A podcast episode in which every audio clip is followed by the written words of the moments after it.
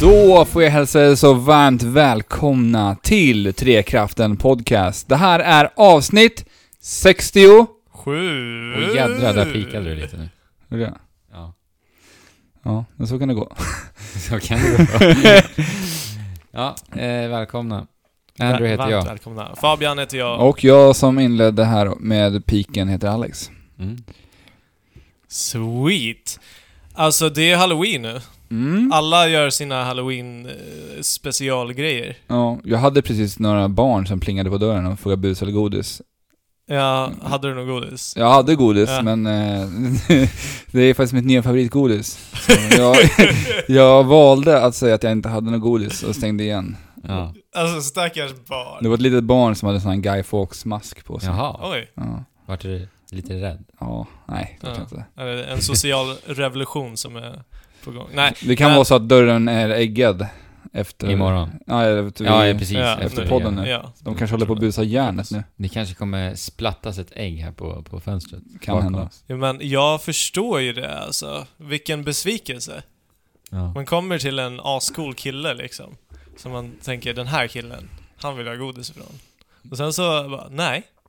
Ingen godis. Tänk om man skulle göra så att man klär ut sig själv när barn kommer och frågar. Så Ja. ställer man sig som ett jävla utsminkad, men så här riktigt väl sminkad och bara skrämmer livet i barnen. och Öppnar och säger ingenting. Ja, men, ja, det hade varit jättekul. Men är det inte lite mer så i staterna att man gör det till en eh, grej? Här, här i eh, Sverige så bara flyter du förbi och det är bara en liten... Ja, men det finns inget riktigt datum för halloween. Halloween är ju typ så här två Det veckor. är väl idag? Det är typ hela oktober i Sverige. Mm. Ja, men i- Eller Fast- typ så här två veckor in i november. Där, det är lite luddigt när halloween är Men i, det är väl 31 ja, i, oktober? ok- i staterna är det Stat- ja. Men i Sverige är det typ hela oktober och Ja, det är en en, två veckor in i november. Där. ja, men det, det är väl höstloven, liksom, Ja. på något sätt. Mm. Ja, ja. Uh, det var så långt vi sträcker oss vad gäller halloween special Ja. eller? Ska vi göra lite läskigt avsnitt kanske? Nej. Nej, Skit i det jag gillar inte skräckspel faktiskt. Så att, Alltså, jag ser ju fram emot att spela Resident Evil 7 till Playstation VR. Mm. ja, det är Eh, inte jag. Det, nej, alltså, det, det är ju lite så här. Men du är ju väldigt harig också ändå. Jag är ju jag är ju väldigt harig, men det är ju kul att bli rädd. Mm. Det, Eh, Ingen kommentar. alltså, mm, här i somras så började jag och några kompisar lyssna på så här creepypasta-podder mitt i natten. Och det, alltså, den, den så här oro, skräck, ångestkänslan som man får utav det, är, ha- har jag inte upplevt liksom sen jag var kid. Nej. Så det är jättekul. mm. Men Resident Evil 7 kommer ju vara någonting helt annat. Men du sa ju PSVR där. Mm. Fabian, Mm. det, det är ett litet mysterium det här. Att du inte har tagit upp Playstation VR Ja, när i den hela här när jag hela tiden har sagt att jag ska köpa det day one. Ja. Ja. Och alltså... Vad hände? Jag, jag fick det ju day one. Ja, det är lite lustigt, vi har ju inte lagt upp någonting om PSVR. Nej. När typ hela spelsverige bara typ postar bilder på PSVR. Och vi, Ja. Det är som att du, jag har typ med glömt bort att du faktiskt haft den. Även fast det var jag som beställde den Ja. åt dig. Ja, nej, uh, alltså... Det, vi, tänkte, vi tänkte göra någonting av det, men det blev inte så på grund av sjuka och jobb och så vidare. Uh, bortförklaringar, bortförklaringar, bortförklaringar. Men du och jag, Andrew, satte oss ju och testade det här. Ja. Playstation VR. eh, första kvällen. Mm. Och jag var, blev väldigt oimponerad. Måste jag säga. Ja, jag med faktiskt. Mm. Eh, men vi ska säga att vi har ju spelat Hot Survive båda två. Ja, ganska mycket här hos Ja. Alexander som, eh, som faktiskt Så vi har ju det som referens. Ja, alltså primärt. Ja. Alltså, det, det är ju lite den förväntningen man har, typ. Ja, precis. Men samtidigt så är det ju ganska självklart att det inte är det vi kommer få. Nej, med, med, med tanke på priset och, Ja, precis. och hårdvaran och så vidare. Ja. Men det var så här, det var så bökigt bara och krångligt och... Men vi lyckades inte få kameran sitta rätt. Nej, Och sen så att man inte bara kunde, alltså jag, jag köpte ju såna där, eh, vad heter det, move-controller. precis. Eh, och de, de kan man inte använda hela tiden. Nej, inte Vad- i menyer ens. Nej, Jaha. vad är grejen med det? Och det är för mig, för oss som har spelat Hot Survive så var ju det En helt obegripligt Ja, att det inte fungerade. Det är lite konstigt. Ja, ja man vill ju verkligen. ta på, på liksom menyerna och trycka där dit du ska. Ja, med- det, med det är ju också det kontroll. enklaste sättet att göra det I på. VR. Istället för att man ska sitta med det där jävla headsetet på, där man inte ser någonting ut, och samtidigt ska du hålla en kontroll som inte projiceras något, äh, superbra i äh, Nej. VR-världen. Ja, den flimrade en hel Ja, den del. flimrade en hel del. runt. och, Men är det, har det något med kameran att göra? Ja, det är bara kameran. Ja, men eh, det står att man ska vara i ett mörkt rum. Precis. Nu var det ju inte superljust Nej. här, men det var ju ändå kanske lite för ljust. Ja, men det är konstigt om det var det ändå. Ja, Alltså, men samtidigt, move-kontrollerna var väldigt stort antiklimax för mig. Ja. Eh, sen så testade vi det här Playstation VR-demot. Mm, som man får med då. Ja, med, eh, med en, en uppsjö av spel. Är det det Ja. som är det här lite Nintendo Land-spelet eller? Nej. Det är inte Nej, det? det, Nej, det, det är Playstation VR Worlds. Ja, det Ja, måste okej. du köpa. Nej, det får man. Playstation VR Worlds? Nej, Worlds, Worlds. Måste Nej, jag köpa. menar Playroom. Det är det man får med. Ja, okej. VR Playroom. Mm. Och det är där... Worlds är eh, lite småspel. Ja, och det är Playroom som du menar, som är lite mer som Nintendo. Oj, nu blev det Mm. förvirrat här. Okej, ja. Ja, precis. Playroom är mer Nintendo Land. Ja, där är det här asymmetriska multiplayern tänker jag på. Okej. Ja. Ja, Precis. okej. Eh, men, eh, men det här demot innehåller bland annat liksom uh, Eve Valkyrie eh, Mm. och, och vad heter det? En del av VR Worlds. Ja, Eh, vad var det mer? Ett spe- fotbollsspel där du ska nicka fotbollar i mål. ja och bilspelet. Eh, Drive Club VR. Precis. Eh, och, och alltså, inget av det här funkade riktigt bra och jag blev inte övertygad om att jag ens var i en virtuell värld på samma sätt. Nej. För att jag testade Eve Valkyrie. Som för övrigt är det sp- VR-spelet jag har sett fram emot mest av alla VR-spel. Jag också. Om man tittar runt, runt sig så här, och det är ascoolt att man bara sitter i rymden och så här. Eh, men du kör med en kontroll, Ja. och när du tittar ner på, på din egen kropp så här, så är den helt och hållet stel. Mm. Den är helt och hållet odynamisk, den bara sitter där. Vad du än gör så bara sitter den där. Och Även i rigs. även i Riggs. Mm. Nej, Riggs, där rörde, där rörde sig en. Ja, det var så? Mm. Ja. Okej. Vilket blir bra. Eh, och varje gång du spelade ett demo så bara... Dels så tog det lång tid att ladda och sen så fick du spela typ fem minuter. Ja, och sen så var du tvungen att ladda tillbaka in till huvudmenyn. Och om du ska testa ett nytt spel eller vill spela det igen så måste du ladda om ganska Mm. långt till det. Och det blir ganska opraktiskt när du har den här VR-hjälmen på dig. Ja, och Mm. varje gång du klarar av en liten demobit så kommer det Ja. alltid upp Purchase game Ja. eller Return to menu. Ja. så ja, det var inte en jättebra demoskiva faktiskt. nej. Men eh, det är också det enda vi har testat. Mm. Eh, jag, har- jag har varken haft tid eller lust att sätta upp den Nej, här Det är ordentligt. första intryck verkligen. Och alltså, jag har ju ett enormt problem med PSVR. Och det är så att mitt huvud ja, är inte kompatibelt med PSVR. Det spelar Nej. ingen roll hur, hur mycket jag än håller på med hjälmen. Jag, jag, Det, det finns lite inställningar man kan ställa Ja. in för att den ska anpassa sig till ditt ansikte. Man kan dra ut och in själva, uh, själva displaydelen Ja. och så kan du uh, hålla på och mickla med och- eh, spännet. precis. Mm. Eh, hur jag än gör så liksom kommer alltid in ljus. Mm. Alltid. Förstör upplevelsen. Ja. Jag ser ju verkligheten, Ja. vad jag än I gör. overklighet. Så jag måste ju liksom så här stoppa in bomullstussar eller någonting för att det ska täcka. Ja, det, det, det går man inte igenom Nej. för att spela liksom. Nej. Så, Men, men alltså det, det var en redig jädra besvikelse så här inledningsvis. Men, ja, precis. F- eh, jag, därför blev jag inte heller taggad på att köpa några spel. Nej. Men Eh, jag måste det här 100 feet robot golf, har det kommit ännu? För det, ja, det, det det. finns. Mm. det har det. Det finns. Det tycker jag ser jätteroligt ut. Ja, men det, Mm. det får vi testa. Men som sagt, uh, antiklim, det, den antiklimaxen som jag upplevde där, Ja. då blev det så här: nej, jag vill inte lägga 500 spänn för ja, ett det är spel som faktiskt är... sjukt. Är det, Alltså du vet, en, eh, jag, så, jag träffade en kille på Mediamarkt som, som skulle köpa PSVR. mm. Och så frågade jag honom vad kostar spelet? I Det var Valkyrie, I Valkyrie. Mm. Han bara 599. Oj jävlar. Ja, Alltså wow. alltså, det är mycket pengar. de, de här spelen borde ligga på typ 100-200 Ja. kronor styck. Och, och jag tycker att Vive-spelarna ibland kan kosta lite för mycket. ja, när de ligger på 200 liksom. 200-300. Och Ja. då, för det är ändå det, det man får är ju oftast väldigt sådär simpla tech-demos. Så ja. kollar man på det stora utbudet på Vive så är ju många, många spel ser ju väldigt primitiva ut faktiskt. ja, verkligen. Jo. Och alltså, jag har ju enorma problem med illamående. Mm. Speciellt med PSVR. Jag vet inte... Men det, det är för att du sitter stilla och håller en kontroll. Ja. Ja, du har ju det här uh, VR... vad ska man säga? Du är inte den som verkligen mår illa ja, det ja, VR. Och alltså när jag tycker VR är som bäst, det är när du är stationerad på en och samma plats och manipulerar objekt, Mm. egentligen. Det är då VR är bäst, tycker jag. Ja. Ja, eh, jag har ju tänkt på det här, det optimala sättet att spela just på, på Vive. Som, som, ni känner till det här escape rooms? mm, Alltså att göra escape rooms i, för HTC Vive skulle ju vara superhäftigt alltså. ja. För det är ju lite det som det här Keep Talking Nobody Explodes är. Det är ju, Ja, det är ju egentligen ja, en escape room, fast det är Fast bara... Det är stationerat. Ja, alltså runt en bomb Ja. egentligen. Mm. För jag gillar ju ändå tanken på det här asymmetriska multiplayer som Ja, man ser det- i Keep Talking. Mm. Alltså att utforska det där ännu mer VR. Alltså, med, och använda det så här i so, ett socialt spelande tror jag att Mm. är jävligt häftigt alltså. Ja. Men liksom pusselspel tror jag kan vara jättebra i VR. Men har ni Ja. spelat de här Room, eller vad de heter, till iOS? Det finns ju flera stycken. Man har en stor, stor låda och så ska du snurra runt den här lådan och typ Aha.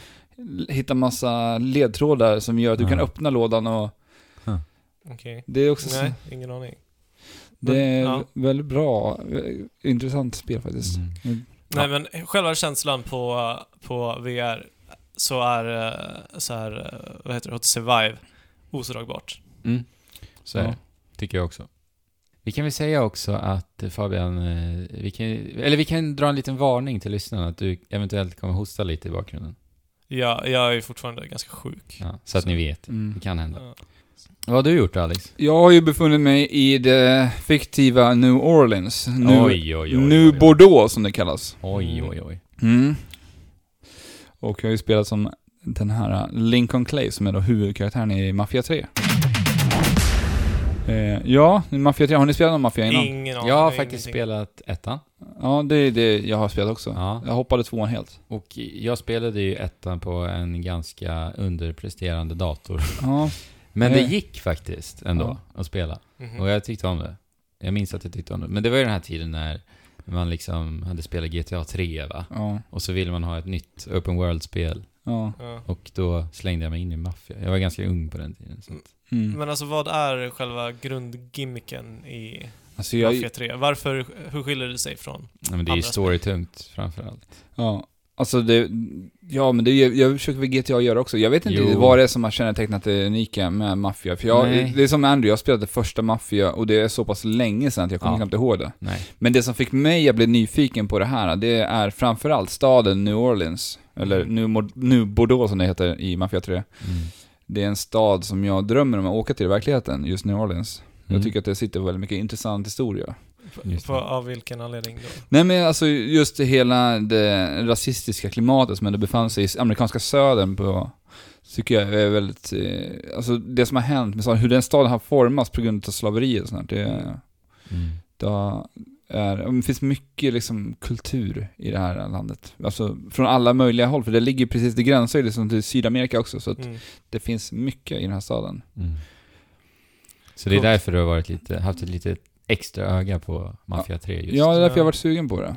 Ja. Och känner, du att du vill besöka den ännu mer nu när du har besökt den Alltså det är ju, virtuella? det, de har faktiskt lyckats med att göra den här staden jätte, jättehäftig. Jag tycker, jag trivs verkligen i Nuvo Det är så himla coolt liksom att eh, befinna sig i amerikanska södern. Det är sällan vi spelar där i spel. Ja. Mm. Och det är så här, jag, märkte, jag märkte när jag bara körde, råkade köra med bilen i vattnet, så helt plötsligt kommer en jävla alligator och försöker simma efter mig liksom. Det är inte vanligt man jaha. ser det i spel liksom. Ja, det finns Ja. djur, djurliv så alltså. Ja, Okej. Okej. Coolt. Men i alla fall, Lincoln Clay då, en eh, Vietnamsoldat. Han har varit, kommit hem ifrån Vietnamkriget. Oj. Mm. Och eh, Dramatiserad. ja, precis. Alltså det var ju ändå ett väldigt hemskt krig. Ja. Ett Oh, väldigt, ja. ganska onödigt krig. ja. Mm. Eh, ja, kommer hem, ärad och eh, drar sig genast till de undervärldens maffiarörelser. Mm. Okej. Alltså b- för, på grund av att Ja han men har så sett ärrad skiten, liksom, Han, han söker ju tillbaka till det här Ja. våldet. Han har blivit så skadad utav det här. Att det, det har blivit så normaliserat i hans värld liksom. Och det är väldigt utpräglat maffiaklimat där eller? Ja, alltså han drar sig först till sin familj liksom, och de Ja. håller på med så här mindre maffiarörelser. Ah, okej. Men de är också anknutna till en större maffiaorganisation. Ja, ja. Och så, så ganska tidigt in i spelet så blir man alltså Initierad i en maffia... Nej, utan eh, ledaren för din rörelse Jaha, oj, blir alltså avrättad utav den större bossen. Okej. Och han, eh, han tar egentligen ut alla dina vänner, alla, allt Oj. du känner. Oj då. Aj. Så att han eh, raserar allt. Och du blir Det skjuten... behövde, det behövde han inte. Nej, Lincoln Clay blir dessutom skjuten i huvudet. Oj, va? Men överlever. Jaha. Mm. Och du kan ju tänka dig känslan när han vaknar upp efter sin. Ja. sin misslyckade avrättning. Då, Ja, alltså han kanske hade velat dö egentligen. Ja, När men- allting hade nej. blivit så dåligt. han vill inte dö, han ställer sig Nej. upp vet du. Ja. Han ska vända det här. Så det är en hämndresa lite? Ja, det är en hämndresa. Mm. För man ska ta ner den här bossen då. Mm. Den här stora som, som leder och styr hela Nubo då. Mm. Okej. Marcano Mm. heter han. Men det är väl just det här också som jag gillar allra mest i Mafia 3. Jag tycker att de lyckas liksom. Den här historien är ju, det är en klyschig maffiahistoria, men den är ändå väldigt spännande. Den, Mm. den berättas genom att man sitter under, liksom, man får se alltså framåtblickar i, i tiden.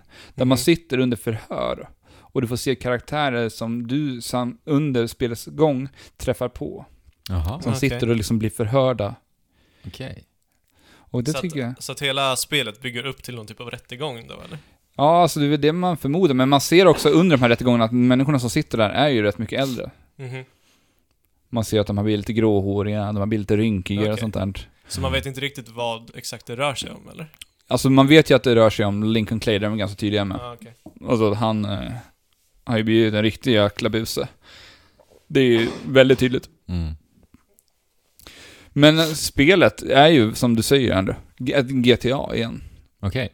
Men och, och, det, det är ju storyn jag tycker är intressant. Spelet gör inte jättemycket nytt överhuvudtaget. Men okej, det är ju ett open world-spel.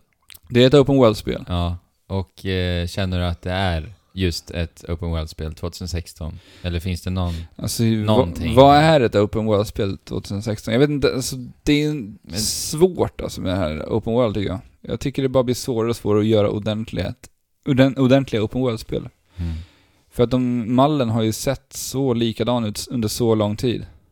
Mm. Så jag vet inte riktigt vad man, vad man kan tänka sig göra med det. För det här är ju liksom klassiskt upplägg. Du åker till en eh, utav dina, eh, en utav dina underliggande bossar. Mhm. För du ska ju liksom bli den här stora maffiabossen, så du rekryterar hela tiden folk till dig. Okej. Mhm. Så du, du startar från scratch en ny maffiarörelse, eller? Ja, ja man, man bygger väl upp det man har, det lilla man har kvar liksom. Ja. Sen så börjar du rekrytera andra, och, så, som då ska ligga under dig, underbossar. Men det är ju häftigt. Är inte det någonting lite fräscht till open world? Liksom, jo, jo, men alltså, det, det, man skulle ju kunna göra rätt mycket utav det. För alltså, att har du, har du med dig ditt gäng då, liksom, i spelmekaniskt sett? Eh, du, har, du, har, du kan kalla fram dem, men det är ändå så här, ett rätt trist sätt. Du låser upp liksom förmågor genom dina underbossar genom spelets gång. Aha. Och eh, de här delar ut i olika förmågor, så det finns en boss som du kan låsa upp. Om, om du levlar upp det hos den bossen, för man ska... Man kan göra så att de här underbossarna tjänar in mer pengar genom att göra sidouppdrag åt de här. Då kommer de kunna tjäna in mer pengar, och ju mer pengar du tjänar in hos den bossen så kommer du kunna låsa upp förmågor. Mhm. Till Och- dig som... Ja, precis. karaktär. Till dig. Ja. Och det kan Och vara typ kan det vara? det kan vara mera hälsa och sånt där. Ja, ja, okej. Men de, de, ofta får du alltid en grundförmåga som du kan använda dig av. Ja. Och då kan det vara till exempel att du kan kalla fram lite, lite faggs till dig som springer med dig ut på ett uppdrag och pangar Men lite. hur många blir det? Blir det liksom fullskaliga krig? Nej, utan det är, du ropar in tre stycken Okej. och de springer in och dör rätt snabbt ändå. Okej. De är inte så effektiva. Nej, nej. Så det känns ju aldrig riktigt sådär... Uh, Men du sa att du, du alltså skrapar ihop pengar till din boss? ja, de här underbossarna. Ja. och hur skrapar du ihop pengar då? Är det sidouppdrag? Ja, sidouppdrag. ja. Och sen så får de... Börjar pengarna rulla in. Men liksom. sidouppdrag, det är så här trista... Ja men det, det är jättetråkigt upplägg. ja. Alltså det, det är verkligen så att du ska åka till en punkt, du ska Mm. antingen gå dit, förstöra hans gods, eller eh, plocka ut en specifik person, Mhm. Mm.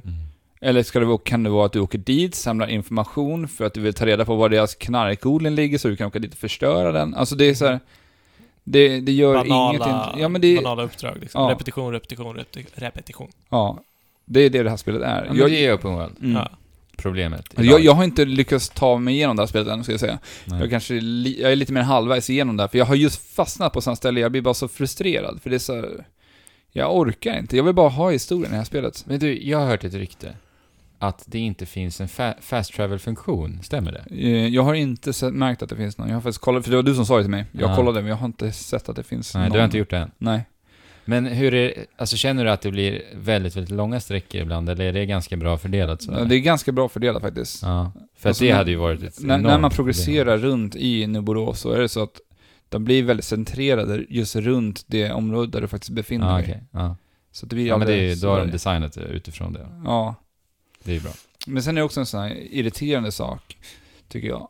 Man samlar på sig olika, jag kommer inte ihåg vad det är nu, men det, det är olika föremål som är placerade runt den här världen som du använder dig av för att hacka olika typ tel, telefonlinjer liksom, för att kunna, Mhm. och på det funkar på samma sätt som att man skannar av området för att kunna få all ja, information ja, på okej. din minimap. Okej. Så det blir så mycket så här tradigt så här, när du är ute och kör så ser du den, då, då blir det så att du måste ta dem för du vet att det kommer underlätta för din spel, ditt spelande. Mm. För skulle jag skippa dem, då kommer det bara bli drygare för mig. För då kan det vara så här, då, genom att jag låser upp en sån här, hackar en sån här, då kommer jag kunna få information om vart mina fiender befinner sig och sånt. Så, Och det är aldrig kul att ta dem? Eller? Nej, men... Det är bara repetition återigen? Ja. Ja.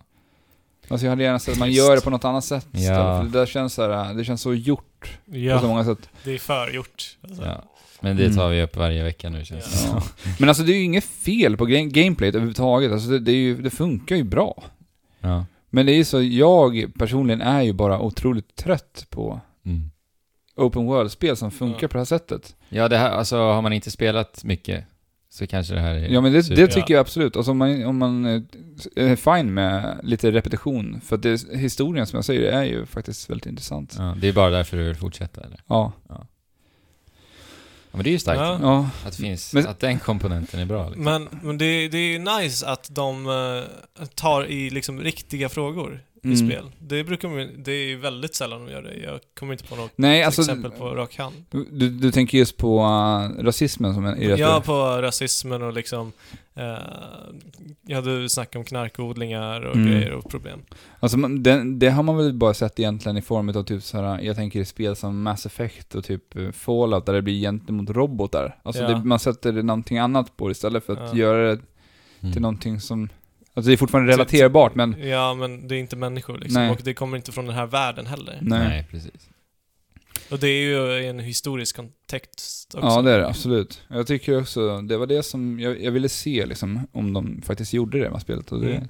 Och nailar de det då, tycker du? eh, ja, alltså jag ska ha inte se- spelat allting, som sagt. Men, Men hur är tonen liksom? Alltså finns det någon form av humor eller är det verkligen så nej, men det, är- det är ganska allvarligt.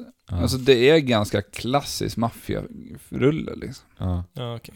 Och jag är ju en, ett stort fan för maffiafilmer, jag gillar ju det så. Ja. Det låter ju gött ju. Ja, men jag, jag, tycker ändå att det, det är ju bra på sina sätt, Mm. men eh, när det blir för mycket repetition. Men okej, om man vill ha ett GTA. Nej, men det, jag tror att GTA 5... eh, det, det är väl svårt att, att, att roffa den platsen. Ja. Mm. Men sen tycker jag att det alltid blir det här problemet i det här spelet. Just, den här historien är jätteintressant. Jag, jag gillar karaktärerna väldigt mycket i det här spelet. Mm. Men det är något som jag tänkte på när jag åkte hem här idag.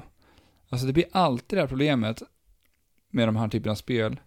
Att när man, när man sitter och kollar på cutscenesen så är det så svårt att koppla den personen du ser i cutscenesen till den personen du faktiskt styr och spelar. Aha. För det känns som att, för mig så känns det som att den karaktären som är ute och skjuter och ute och pangar hela tiden, Ja. han är totalt identitetslös jämfört med den personen jag ser i cutscenes. ja. För där sitter det så mycket mer själ och identitet i honom. Jag kan säga att det där kommer jag ta upp när jag pratar om Battlefield 1 snart. Mm. Ja. Så att jag förstår exakt hur du menar. Men jag tycker att det är ett sånt himla problem. Alltså det, det är någonting man verkligen måste liksom få fram. Jag, jag, man tänker så här på, på Last of Us, det var verkligen sån här, där lyckades man med det. Ja, alltså det. sätta Men identitet på dem just när man spelar karaktärer. Jo. Det går också att göra när det är ett linjärt spel.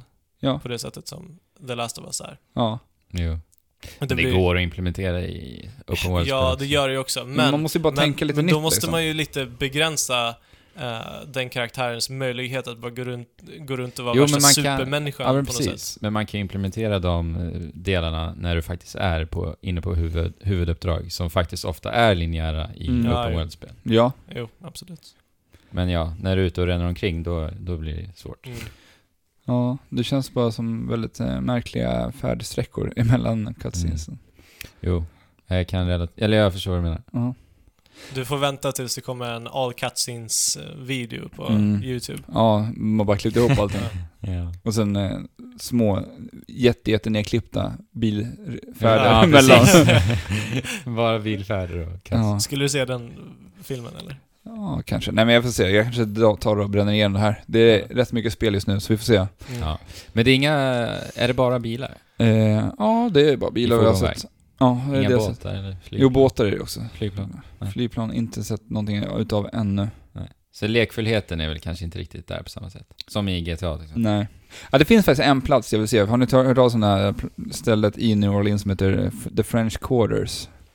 Nej. Mm, är inte så... Det är, väl, Skolad. det är en ganska känd gata just i New Orleans. Mhm. Så den måste jag faktiskt ta och se. Det är en gata där med så här, äh, ganska gammalmodiga byggnader som har liksom stora balkonger längs hela gatorna, liksom så här Okej. rakt fram. Och det brukar vara den här Mardi Gras-festivalen, brukar gå parader Aha, okej. längs den här gatan. Så jag måste Ja. nog bege mig till eh, French Quarters i alla fall och få uppleva French Quarters i ett spel i alla fall. Mm. Men, men alltså, du har tillgång till hela kartan nästan från början eller? Eh, ja, jag tror nog man kan ta sig överallt faktiskt. Jag har inte varit ute och rännit runt, utan jag har varit rätt fokuserad på bara köra storyuppdrag. Ah, okej. Mm. Ja, Ja, gött. Mafia 3 alltså. Mafia 3. Toppen. Eh, jag ska väl ta ett djupt andetag nu. Sträcka på mig lite. För nu hörni, så Oj, ska jag prata jag håller i mig. öronen ur er. Hur många alltså. spel blir det? Ja, vänta nu. En, två, tre, fyra spel Oh ska my jag god, prata om. alltså du har för mycket tid. Jo, jag vet. Jag har mycket tid nu. Bara, jag har spelat typ ett av dem och nosat bara lite grann. Ja. Ja. Nej, men jag har för mycket tid nu. Och, där, och det är därför jag då lägger den tiden lite på det här va? Ja, ja, men det är ju klart att du ska göra det när du har det. Ja. Jag har ingen tid, Nej. så jag har inte spelat någonting. Så håll i er nu. Vad ska vi börja med? Vi kan börja med eh, Azure Striker Gunvolt. Ja, okej, vi börjar Två. där. Mm, ett Mm. spel som du pratade om, det första spelet spelade du, Förra året. eller förra året? 3DS eh, e-shops-titel. Och det var också det spelet som fick dig att eh, börja testa på Mega Man va? Precis. Så det är ju en eh, 2D-plattforms-action. Mm. Utvecklat utav Inti Creates. De här gjorde ju Mighty Number 9 här Mm, tidigare i precis. år. Jaha, det är, det Ja, är det är de de. alltså? Det är de. Eh, men då var ju Concept även med i Mighty Number 9. Men Creates var ju med och hjälpte till. Okej. Och alltså det här är ju en direkt uppföljare på första spelet. Så de Okej. droppar ner i slutet av första spelet och du bara fortsätter?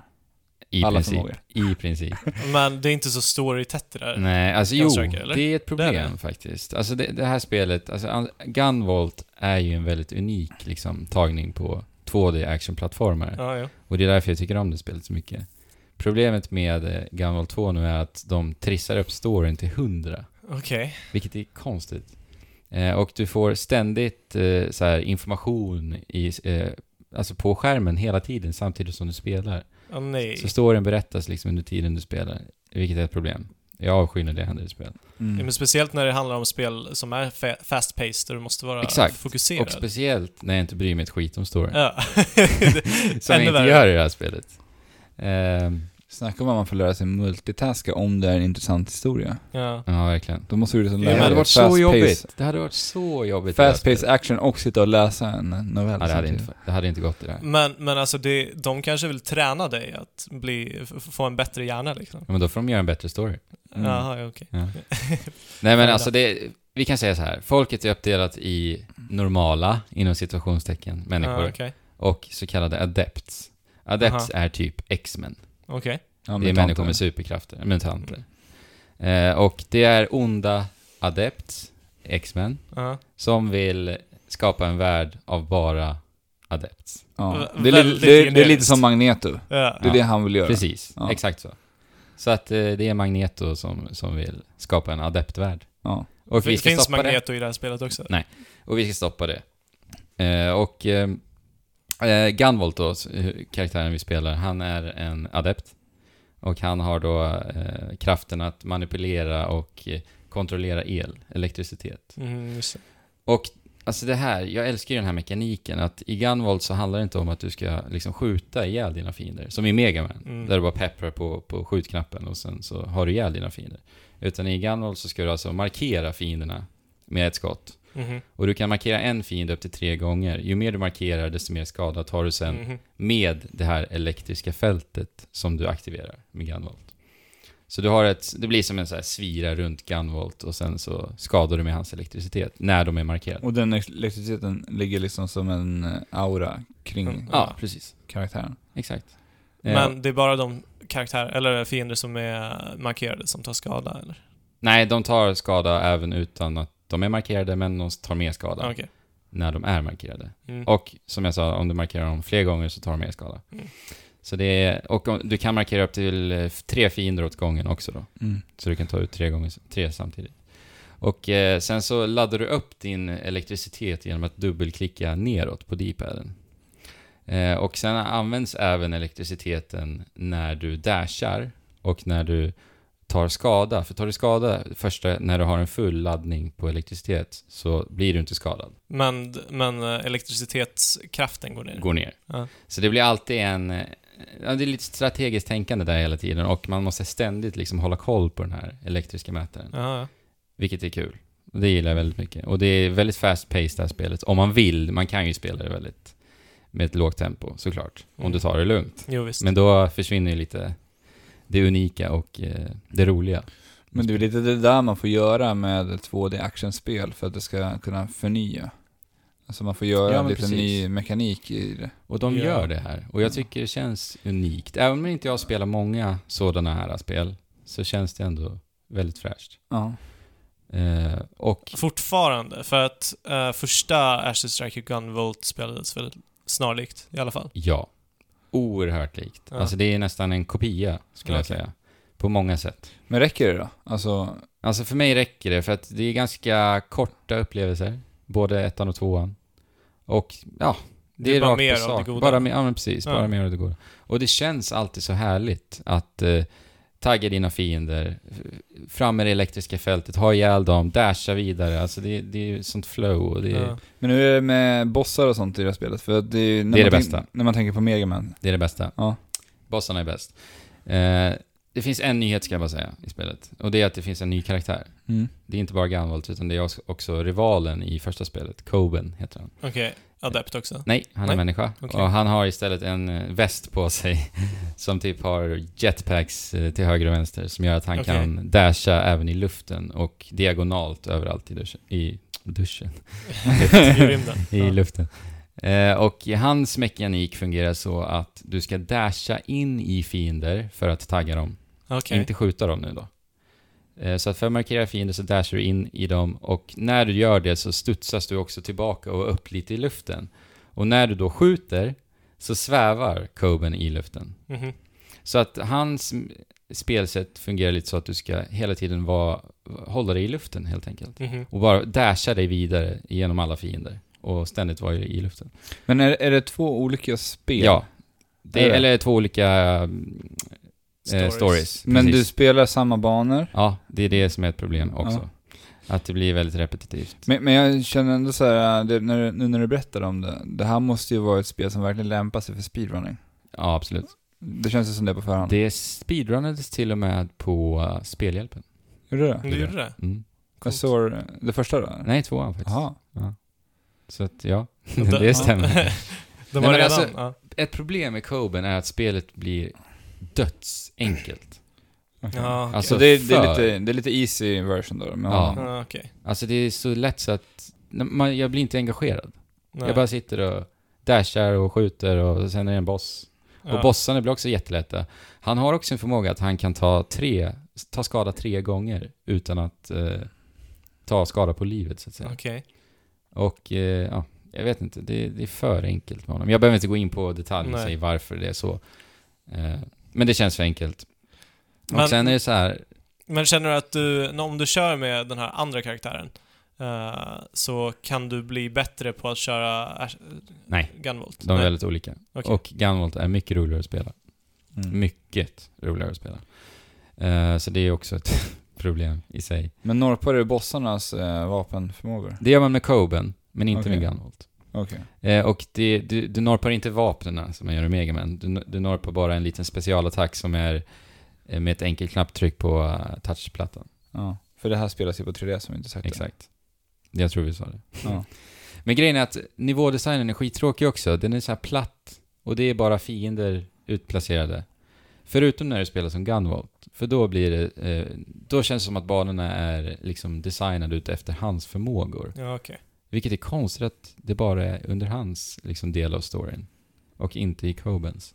Men då Eh. kanske Coben bara är någon så här eh, kul grej som de har slängt in bara för. Ja men det känns lite så, för att Ja. det ska vara något nytt liksom. Ja. Mm. På tal om roliga grejer så finns det väl en annan väldigt rolig sak som du visade. Ja, just det.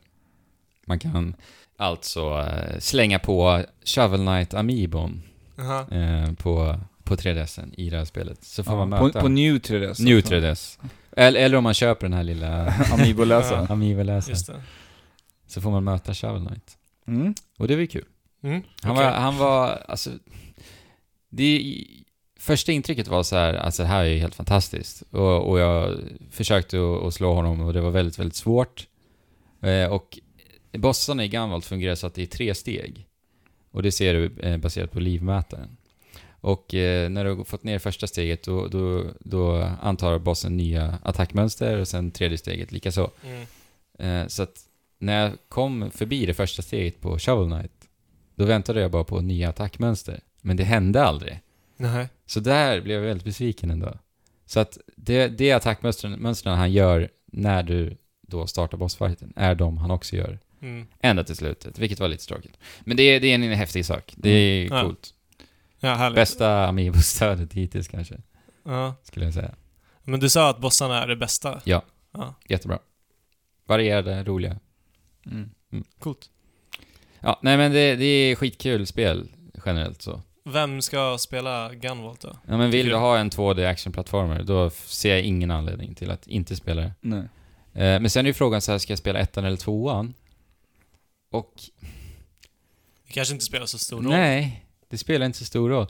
Alltså egentligen tvåan. För att du kanske tycker att Coben är fantastisk att spela. Och då får du lite Den här nya karaktären. Ja, precis. Jag föredrar ju Gunvolt. Och det här finns endast att köpa på e-shoppen. Ja, precis. Jag tror inte... Ja, jag tror det inte finns fysiskt här i Sverige. Jag vet att det finns någonstans här i världen, men Ja. inte i Sverige tror jag. Så e-shop. Nej men, eh, ja, som jag sa, gillar du 2D-plattformar så är det bara kör. Mm. Sen då? Ja, vad ska vi ta härnäst? Eh, vi tar Dark Souls 3. Är det sant? Ja, Mm. Okej. Som har fått DLC. precis. Ashes of Ariandel heter det. Mm. Eh, och då återvänder vi till de här mardrömslika världarna då. Ja, Det det är är, det ju för- härligt att Det är det göra första DLC till... Ja, det är det första. Det ska komma fler. Jag vet inte hur många faktiskt. Det tog ganska lång tid. Det Ett släpptes år, inte det här... typ, Eller? Det här släpptes Nej. väl i början på året? April. April? April, okej. Så det är nog Halvår. inte jättelångt. Ja. egentligen. Eh, och eh, vi befinner oss nu då i eh, The Painted World of Ariandel. Eh, och det är jättefina miljöer, vi är i ett snötäckt landskap. En som, helt ny plats alltså? Ja, helt Ja. eh, Som också är täckt i, i frusen is, lite överallt. ja Okej. is är ju frusen. Ja, Ja, men den är precis. det. Jag, kan ty- jag kan tycka att alltså, snölandskap är kanske det tråkigaste att uppleva. Ja, men det, jag gillar det här. Ja. Jättefint är det. Speciellt de här partierna när, där allting är fruset. Passar ju bra nu när det snart är juletid också. Ja, är- och det, det är någonting så här med, med is, tycker jag. Att det är så snyggt att bara se så här reflektioner Ja, från, ja. från sol och, och liknande. Inte för att det finns en sol i Dark Souls, men Nej, det gör det inte. Den har man ju... Det har de inte sinlagt. det. Men genom ljus och grejer. Precis. Jag Ja. tycker det, det ser snyggt ut. De har nailat Kanske det. modda in en sol i Dark Souls. ja, För att få lite fina ja, reflektioner isen. men vi får aldrig se den. Den Nej. bara är någonstans. Ja. Nej men, eh, ja. Det här roliga nya fiender tycker jag faktiskt. De är ganska bra designade, fienderna. Och sen är det lite så här vargar eh, som springer omkring i, i sina Ja, men- wolfpacks. Så att där kan man verkligen bli överväldigad av ett gäng vargar. Ja, ja. Jag tycker det, ma- då får man spela liksom Dark Souls på, på det här sättet, att det här pani, panikartade Ja. viset. ja, det är ju då det kanske skiner som starkast. Jo, precis. Även om det här inte var svårt för fem sekunder så, ja. Nej, nej. Du körde på New Game Plus till och med. Ja, precis. Du ville ha lite Jag tuffare. har hört, alltså jag har hört att det här spelet skulle vara jätte, eller DLCn skulle vara jättesvår. Jag förstår inte riktigt vad folk... Du kanske är för bra på det helt enkelt. Antingen är det bra... Du, Men sen är det ju det här problemet med Dark Souls liksom att jag kanske har den leveln som gör att det här blir jätteenkelt för mig. Ja, och du kanske kör den stilen som är Perfekt. Eh, perfekt för just Paint the World of Ariandel Precis. Mm. och så vidare. Ja. Eh, jag klarade väl det här på en, säg, sex, sju timmar. Aha. Eller om ens det. Fem, sex, något sånt. Så att det, det, det var trevligt att, att utforska de här miljöerna. Väldigt fina. Ja. Men sen, alltså spelet har ju, lider ju fortfarande av samma problem som huvudspelet. Och det är ju det här att det är för många bonfires överallt. För, Mm. Det blir för enkelt liksom. Ja. Ja. Alltså det är så här, jag trippar aldrig på tårna. Och jag, jag frågar mig aldrig, ska jag ta det här extra steget? Ska jag pressa mig själv ja. i hopp om att hitta nästa bonfire? ja. Nej, Det, det, det blir aldrig liksom det har ju den- varit väldigt mycket Signum-grejen i hela Dark Souls-serien. Så Ja. du har aldrig haft de här riktigt enorma stora förlusterna Nej, utav själar? inte en liksom? enda gång. När du känt, fa, fan nu tappar jag. Nej, tyvärr alltså. Eh, och speciellt inte när det är alltså, tonvis med genvägar överallt också. Mm. Bonfires Ja, det där är lite och tråkigt alltså. Och Det, för det var det jag gillade så mycket med det första dagen, när man väl hittade det som en Mm. genväg. Då vart det en sån Ja, jäkla härlig känsla. Verkligen. Man Ja, hittade liksom anledningen att parta. Fälla ner en trapp, en eh, stege bara. Ja. Och det kunde ju göra en överlycklig. ja, ja. ja det, det händer aldrig. Det gjorde ju inte det i Dark Souls 3 heller. Nej, Mm. Och hela även Dark inte... Souls 3 var ju så här. Precis, och Tyvärr. även inte nu. Men det är ju härligt att i alla fall återkomma till en lite, den här lite mörka och slemmiga Mm. Ja men det är det. Och jag antar att du kommer vilja spela sen också Fabian, någon gång, när du har tid. Ja, någon gång. Men det, alltså, det var ju bara två bossar Mm. också. Ja, det är så. Det var lite tråkigt. Och eh, ganska... Alltså tråkigt designade. Det var en som var så här, mm, okej. Ja, men Mm. eh, säg inte för mycket nu Du bara. gillar ju monster. Ja, jag gillar monster. Ja. Ni får det också, men jag, jag tycker att det är tråkig design generellt så. Eh, och sista bossen i den här DLCn, på tal om svårighet, är faktiskt den svåraste bossen jag mött i Dark Souls 3. Mm. Ja. Inte i alla spel. Nej, det skulle jag inte säga. Men i Dark Souls 3. Mm. ja. Men det- det säger ju inte jättemycket. Nej men den var svår faktiskt för okej. mig. Den var riktigt svår. Ja, det tog säkert 30, över 30 försök innan jag... Ja. Men det är ju så en boss ska vara. Mm. Så det var en bra bossfight. Ja. Tråkig design dock. Det är det Okej. som drar ner. Mm. ja, men Eh. det gör ju också att det inte blir lika roligt att spela om det Nej. när du dör. Liksom. Mm. Nej, precis. Men jag vet inte, det, allt som allt så känns det här oinspirerat. Eh, de gör ingenting för att liksom förbättra Dark Souls 3. Nej. Eller för att, eh, alltså förnya någonting. Nej, men är det tanken med de här DLCerna? Jag tänker har om varit du det. jämför med Dark Souls 2 DLCn. Jag jämför med The Old Hunters i Bloodborne som Ja. gjorde allt detta. Ja, okej, just det.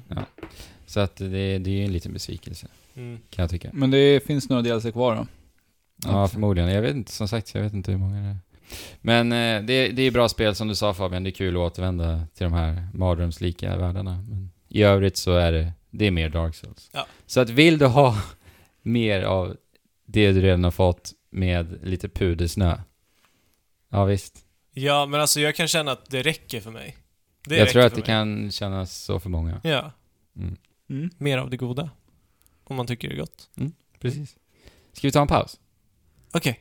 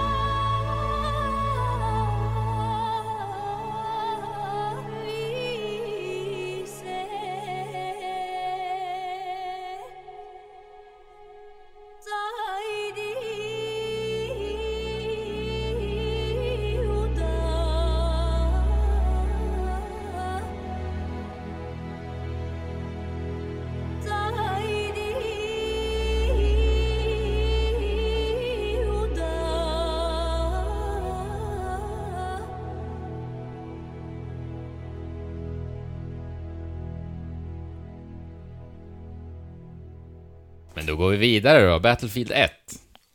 Jag, jag skulle ju Ja. pratat om det här för två veckor sedan. Mhm. Nej, fem veckor sedan. Mhm. Eh, men vi hade ju en gäst förra veckan? Mm. Ja, Eh, och Nintendo Switch eh, dök upp och allt vad det var. Eh, En men, men jag har spelat, spelat Battlefield en hel del då.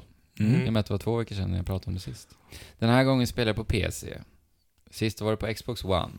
Just det, när du testade där eh, EA Access och grejer. Ja. Ja. Du vågar alltså på att fortsätta på PC-spåret? Mm. Ja. Ja, men ja. Alltså ibland får du så här Aldrig mera PC! Jag hatar PC! Och slänger saker i väggarna typ. ja, men jag tror att många kan relatera till det. Så. Ja, men... Och sen råkade vi få ett PC nu också, så då, då fick det bli så. Helt enkelt. Men, alltså jag, jag, jag håller ju fast vid det mesta jag sa när vi pratade om det. För, och för två vad är veckor det sedan. en kort sammanfattning? Ja men precis, det är här, fantastisk presentation Mm. och den här eh, liksom glorifieringen av krig är väldigt frånvarande Mhm. fortfarande. Eh, Och de tar verkligen fram den här tragedin som var eh, första världskriget. Mhm. Och de visar ju verkligen den här mörka sidan av krig eh, i Battlefield 1. Mm. Och det är en historia med hjärta. Mhm. Och det är emellanåt väldigt, väldigt så här snyggt re- regisserat. Och sen har ju liksom, i, om man tänker i DICE-mått mätt nu då, Mm. Ja. så är det ju väldigt eh, välberättad Mm. historia faktiskt, för en gångs skull. Ja, det, det, brukar, de är inte kända för sina starka historier. Nej, men precis. Det känns väldigt kul att se att de har kommit så långt ändå, Mm. på den fronten. DICE är ju det svenska företaget som har utvecklat Battlefield i alla Ja. tider. Ja. Så, om man spelar och bor i Sverige, då vet man nog vad, vad DICE Ja är. men det vet, man vet inte allt. Nej, men det är med stor sannolikhet. Eh, och mellansekvenserna, de visar ofta en väldigt så här, emotionell sida och eh, det, det är så fint att se det bara. Och Mm. jag kände att eh, det var liksom väldigt flertal gånger där det tröck lite bakom tårkanalen. Oj. Faktiskt. Är det sant? Ja, det gjorde det. Så att, men då, då bidrog ju också såklart den här väldigt vackra orkestrerade musiken. Mhm. Den är vacker. Problemet är att den blir väldigt, väldigt återanvänd genom hela spelet. Vadå, samma slingor? Sam, samma melodier. Okej. Så att eh, det är ju ett lite platt intryck faktiskt. Mm, just, just ljudmässigt. Men sen kanske det var deras tanke lite. Att det Ja. ska vara ett återkommande Ett tema. huvudtema liksom, som Ja. du ska kunna relatera till i efterhand också. Exakt. Men den, den, den, för mig så var det så att det blev lite trött. Men den funkar ändå för att liksom hjälpa till med, med det narrativa. Mhm. Så, så. så att alltså produktionsvärdena, de är skyhöga Mhm. generellt, överlag. Och det, DICE går ju med ett väldigt annorlunda upplägg i, i kampanjen. Det är så att det är fem olika uppdrag. Och de kallas alltså War Stories. Eh, och det är olika karaktärer vi får följa med på i alla vardera fem uppdrag då. Mhm. Och det är olika berättelser från olika perspektiv och scenarion då. I Mhm. det här kriget, första right. världskriget. Eh, så att det här... Båda sidor då också? Eller är det bara från det, alltså, det sida? gör de ganska bra också, att de... Ja. Tar ingen sida? Nej. Alltså inte Precis. alls? Du Nej. vet inte vem du fightas för när du... Jo, det vet du, men det är inte det, är inte det som är i centrum, utan Nej. det är karaktärernas liksom, resa. Mm. Lite Mm. så. Det är ganska snyggt gjort Mm, också faktiskt. verkligen. Ja. Eh, och ehm, det blir ju bra miljövariation och karaktärsvariation här. I och med att det är fem liksom, olika karaktärer från Men- fem olika perspektiv. Men känns det inte splittrat då istället? Nej. Nej. Ja, men det tycker jag inte. Jag tycker det är ett intressant upplägg. Men hur, hur funkar det då? Själva upplägget? Vad är det, hur hinner man liksom berätta en historia på så kort tid, tänker jag? Mm. Ja, det är ju ett problem, lite. Men jag tycker ändå att de... Alltså de, de lyckas väl någorlunda med att liksom få en relativt engagerad i karaktärerna. Mm. Mhm. Inte, de lyckas ju kanske inte greppa tag rejält så. Men Nej. jag tycker ändå att det, det funkar liksom. Och jag, jag tycker att det är ett ganska häftigt koncept i ett liksom krigsspel. Så. Att liksom se det från olika perspektiv och så. Mm. Mm. Ja, det är sällan liksom det här krigsspelen har blivit så här, haft en riktigt indragande historia. Ja. Ja, Jag verkligen. vet inte, om man kollar på film, film till exempel så finns det ju enormt många så här, Mm. jättestora krigsfilmer som har gått till så här, Ja. historien. Ja, precis. Men det är oftast för att spel handlar ju mest om eh, superhjältar liksom. Ja. Ja. Bara ska ja, övervinna allt och Mm. ja vara precis. hjälten i slutet. Och Liksom. det är bara coola uppdrag, Mission Impossible Ja. liksom. ja. Precis. Och det är inte här till, yt, till ytan, Nej, om vi säger så. Eh, så Va- jag, kom, jag, jag, jag kommer snart till det. Men alltså överlag så är karaktärerna är väldigt välspelade också. Aha. Vilket är väldigt kul att se. Ja. Sen är ju iscensättningen och liksom tematiken är ju för mig någonting som jag inte är intresserad av. Alltså, Du gillar inte krig Nej. överlag eller? Det är ingenting som Nej. liksom tilltalar mig. Nej. Så att det har jag ändå med mig genom hela spelet. Ska Mm. jag säga bara så att ni vet om det, alla som lyssnar liksom. Och man kan ju säga att kampanjen är lite av en glorifierad handledning eh, för multiplayer-komponenten. Ja, Okej. Du, får, du får nosa på liksom fordon som dyker upp i multiplayern, du får nosa på eh, liksom hur du... Olika vapenklasser och sånt ja, också? eller? olika vapenklasser, hur du eh, lagar fordon och sånt där i support, som tillhör supportklassen Ja. till exempel. Det kan jag tycka ganska, låter ganska vettigt ändå. Visst. För att just, just i Battlefield så kan det vara väldigt svårt. Jag har ju spelat Battlefield 1 också, fast bara multiplayer då. Mm. Och eh, det kan vara väldigt svårt att liksom hitta till den här klassen som man faktiskt känner passar en. Ja. Och det är väldigt sällan jag liksom får det där fordonet jag vill prova på, liksom testa tanken. Liksom. Mm. Det är alltid någon som hinner trycka före mig. Ja. Då får jag lik förbannat ta och springa Jo, jo, bort sant. Till andra sidan ändå. Mm. Alltså just bara för att få känna på lite olika spellägen. För det finns ju så mycket, Battlefield erbjuder ju väldigt mycket som Ja, spel. så in i banan. Det är det som gör det unikt. Mm. Speciellt i multiplayer. Ja. Jo men visst så är det ju. Och eh, även banorna blir återanvända faktiskt. Eh, jag spelade ju kampanjen först, innan jag hoppade in i multiplayern. Mhm. Och om du som lyssnar nu eh, liksom börjar spela Battlefield nu, jag antar att det finns många som redan har spelat det, så rekommenderar jag att om du ska spela kampanjen, gör det först. För att annars så kommer du alltså stöta på multiplayer-banor. Och det kan ju vara lite tråkigt kan jag tänka mig. Mm, ja, ja, ja, eller... Storyn gör ju då i så fall att du lär känna de här multiplayer-banorna som är ganska ex- expansiva, eller hur? Ja, verkligen. Eh, så att det är mycket, mycket som man skulle missa om man bara hoppade in i multiplayer. Ja, fast alltså jag gillar ju inte det här Nej, egentligen, att det är en glorifierad handledning. För att jag tycker att det ger ett... men det skiner igenom liksom. Ja, Mm. Samtidigt som du försöker berätta en, en hjärtlig eh, berättelse. det känns så själlöst bara. Ja. Alltså så här, ja men just det, vi ska göra en kampanj. Ja men vi, vi tar de här banorna som vi redan har gjort och sen så slänger vi på en eh, dramatisk historia som de förvisso lyckas någorlunda med. Men, ja. Jag vet inte. Mhm. Ja, vi ska ju säga att det går inte att ta ifrån DICE att de är fullkomligt mästerliga när det kommer till den tekniska biten. De gör ett fantastiskt jobb här och eh, ljuddesignen är precis lika bra som den alltid har varit. Om inte till sin spets nu. Mm. Den är ju bättre än någonsin. Det har alltid liksom känts bra att skjuta i Battlefield Mm. Mhm. på grund av ljudet. Mm. Eller vad säger du Alex? Ja, alltså det är ju ett fantastiskt ljudbild jag har spelat. Alltså för det man, jag, har ju- jag har ju spelat mycket multiplayer och det känns verkligen som att vara ute i ett slagfält. Alltså det känns så mycket. Ja. Alltså det händer så otroligt mycket omkring en.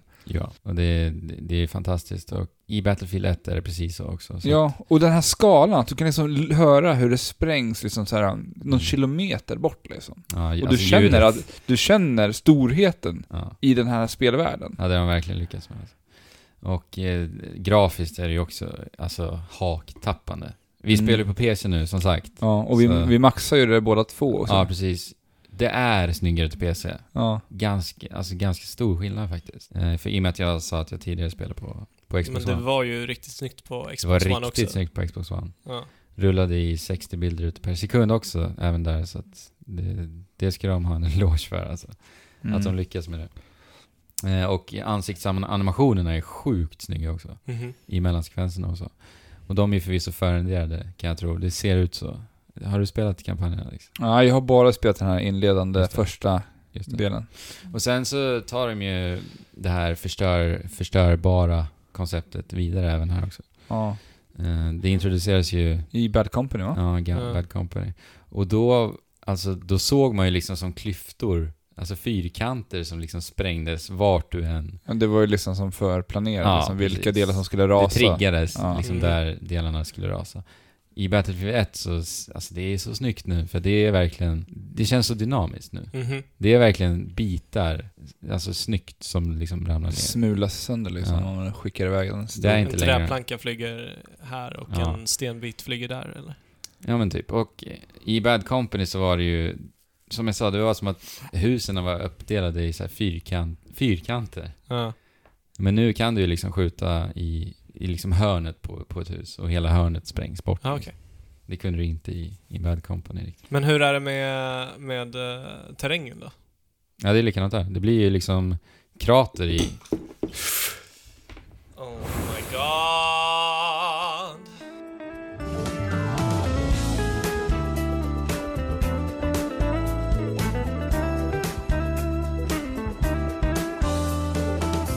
Vatten på elektroniken.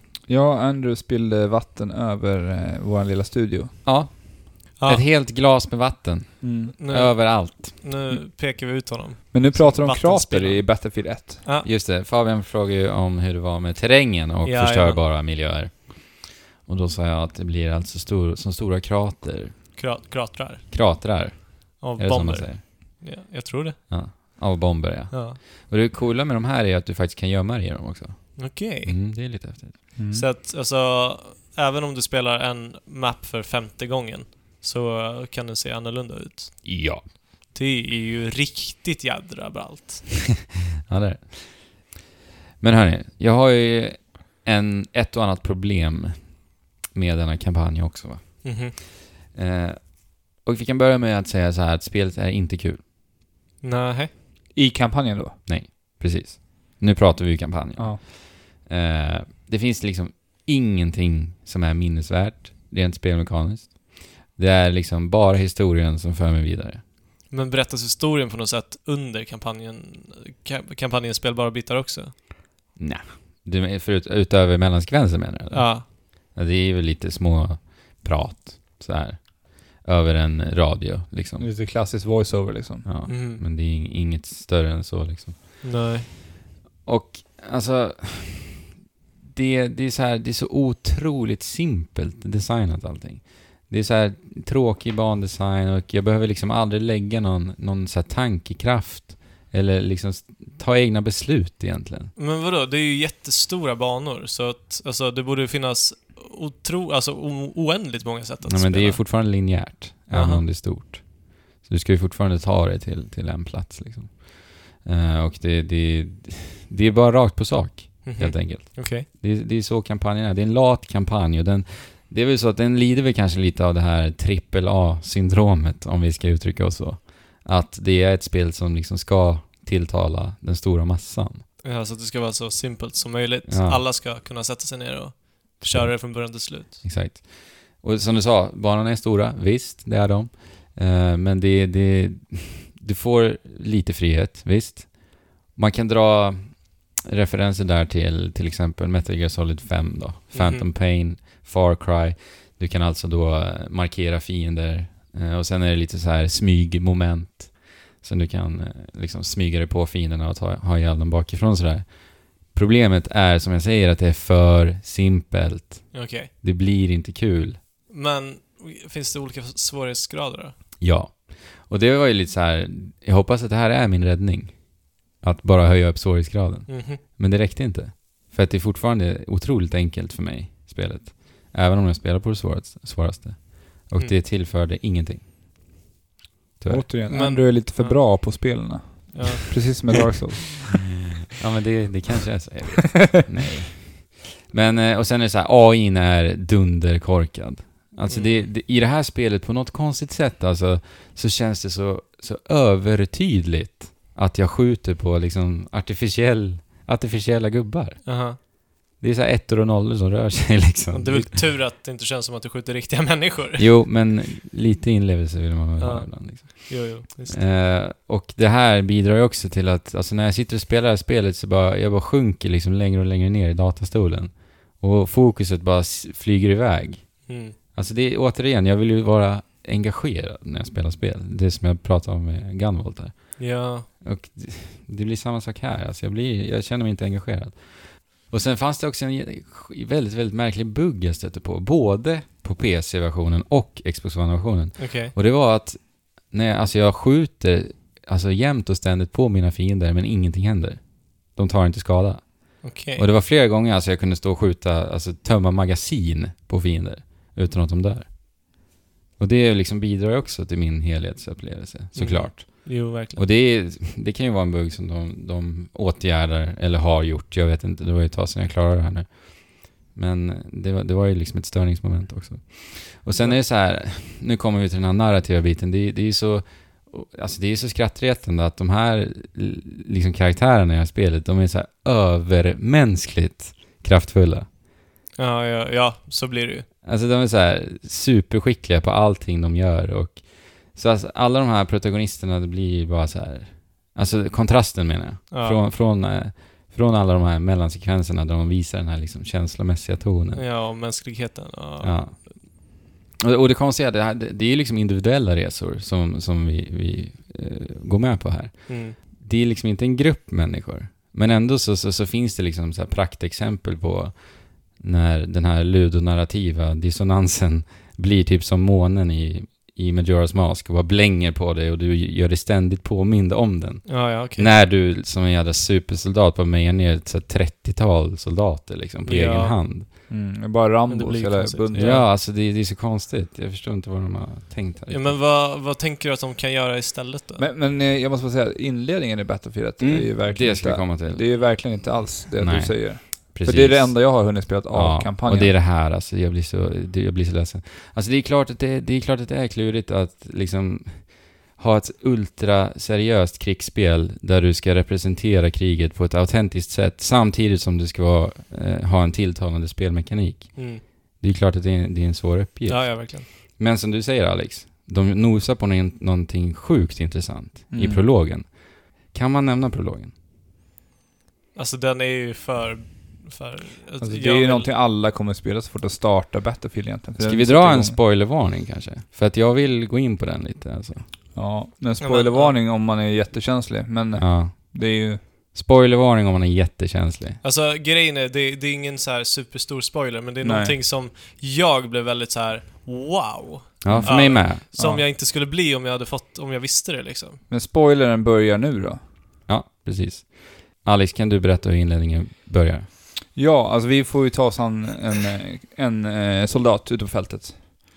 Yes. Och det kommer att eh, vina kulor. Mm. Ja. Och snart så kommer du inte att klara dig. Du kommer att bli träffad. Ja. Man Och kommer då- dö, som Man dör. i krig. Ja, du kommer att dö och Mm. du kommer också se hur gammal du blev. Och när du dör. ja. Ja, och även på namnet. den. Och, och det ska sägas också att det här är ju riktiga soldater från Mm. kriget. Ska vi Ja, säga. Och sen får man hoppa till nästa, för man får testa lite olika, olika personer ute på olika positioner i det här kriget. Mm. Och se dem stupa. Mm. Mm. Oerhört kraftfullt. ja, verkligen.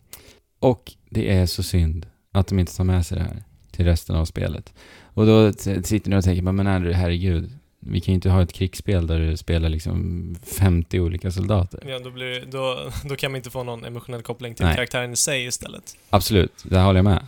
Men, nu kommer jag med den genialiska idén. Lyssna Okej, här. låt höra. Alltså Battlefield handlar ju om squads, Mm. inte sant? Det, det, det är ett squad på fyra, fem pers, Mm. vad det nu är. Eh, har alltid varit det i multiplayer-komponenten. Det är från början ett multiplayer-spel. Varför tar de inte det till en kampanj? Och då, då menar jag så att du har ett squad på fyra, vi säger fyra pers nu då. Single player nu Single tänker player. du också. Ja. Precis, vi pratar fortfarande om single player. Eh, och så har du alltså fortfarande de här war stories, men du har ett, ett squad på fyra. Så att det är fortfarande korta upplevelser, olika uppdrag ut, ut, utplacerat.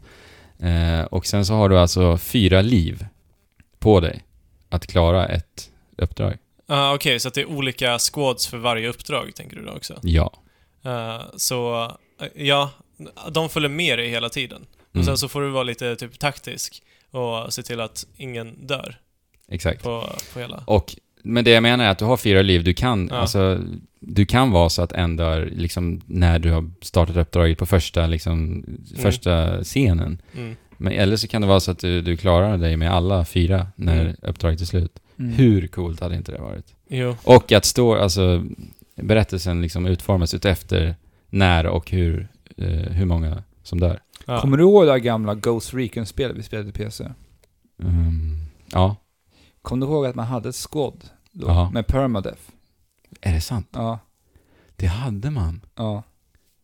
Det var hade liksom, man. Du fick olika priser när du klarade olika Just det. uppdrag.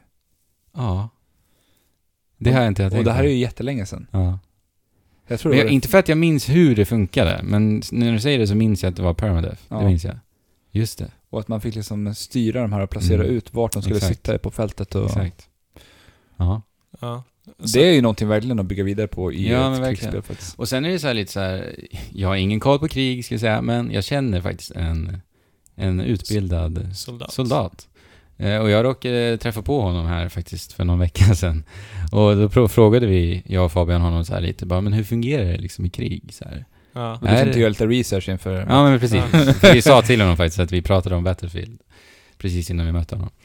Eh, och då berättade han faktiskt att det är, alltså det är squads i, i krig. Ja. Ja, så du har ju ditt gäng som, som ni som jobbar ja, tillsammans. att det är typ så här två som skyddar medan två rycker fram Mm. eh, och så vidare. Mm. Att, man, att man alltid går pö om pö Ja. för att avancera. Precis. Men squads betyder ju andra spelare. Och Ja. jobba tillsammans. Exakt. Så vi hoppas till att prata lite multiplayer. Ja, jag är inte riktigt klar. Men jag vill bara säga också att eh, eh, multiplayer hade, alltså för att ta det till ännu en ny nivå i en kampanj, co-op. Fyra Mm. spelare. Ja men det, det sa ju vi Med redan då i, No. då i Bad Company-spelet. Ja, precis. För det var lite mer öppen värld just i Ja. spelet, i kampanjen. Ja. där. Jag tycker ju Bad Company fortfarande är det bästa Battlefield-kampanjen faktiskt. För där hade man ju ett squad Mm. också. Även om Ja, det precis. var single player så Ja, och även om det var AI-styrt. Men det Ja. hade varit skitroligt att ha haft det i co-op liksom. Ja. Hur man väljer att ta sig an Precis, olika... och att man kommer då bli beroende av eh, varandra. Att du har fortfarande en medic, du har en support. Supporten kommer slänga ammunition till dina, till dina kamrater. Medicen helar upp er och så vidare. Det hade varit, jag tror det hade varit jättebra. Det är synd att se att de inte gör någonting med det. Eh, men ja, alltså allt som allt, det skär sig helt enkelt. Det är det jag Mm. vill säga. Alltså i mellan, när man sitter i en mellansekvens och, och man ser en så här, hur, hur du lider Ja. egentligen av alla hemskheter. För att sekunden senare bara ute på fältet och bara meja ner liksom. Ja. Alltså jag, jag, kan inte, jag kan inte släppa hur orealistiskt det känns liksom. Det, det är så här, illusionen bara... Kraschar och brakar. Ja. Ja. Och alltså folk har ju pratat om att det här är, är så autentiskt. Och det är nästan så här, bara, men vänta nu, har vi spelat olika spel? Lite så känner jag. Mm. Men, men, det finns faktiskt ett uppdrag i kampanjen som är väldigt intressant.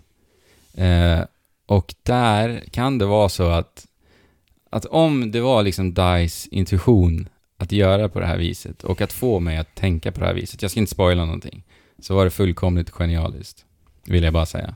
Okej, men Ja. vi, vi, vi greppar ju luft. Ja, jo men jag, jag, inte nej, men jag säger det till dem, ja. jag vet ju att det finns lyssnare som har klarat av det här, så att, Ja.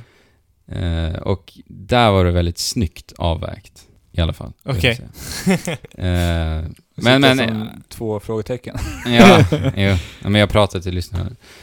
Det här är ingen kampanj som kommer leva kvar hos mig.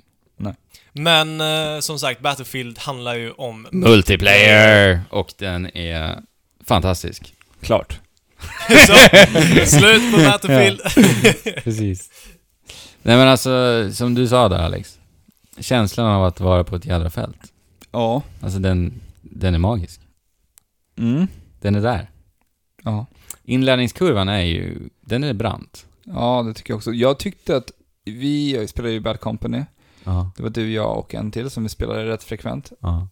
Och jag känner att med Bad Company så var det mycket enklare att komma in i Battlefield. Okej.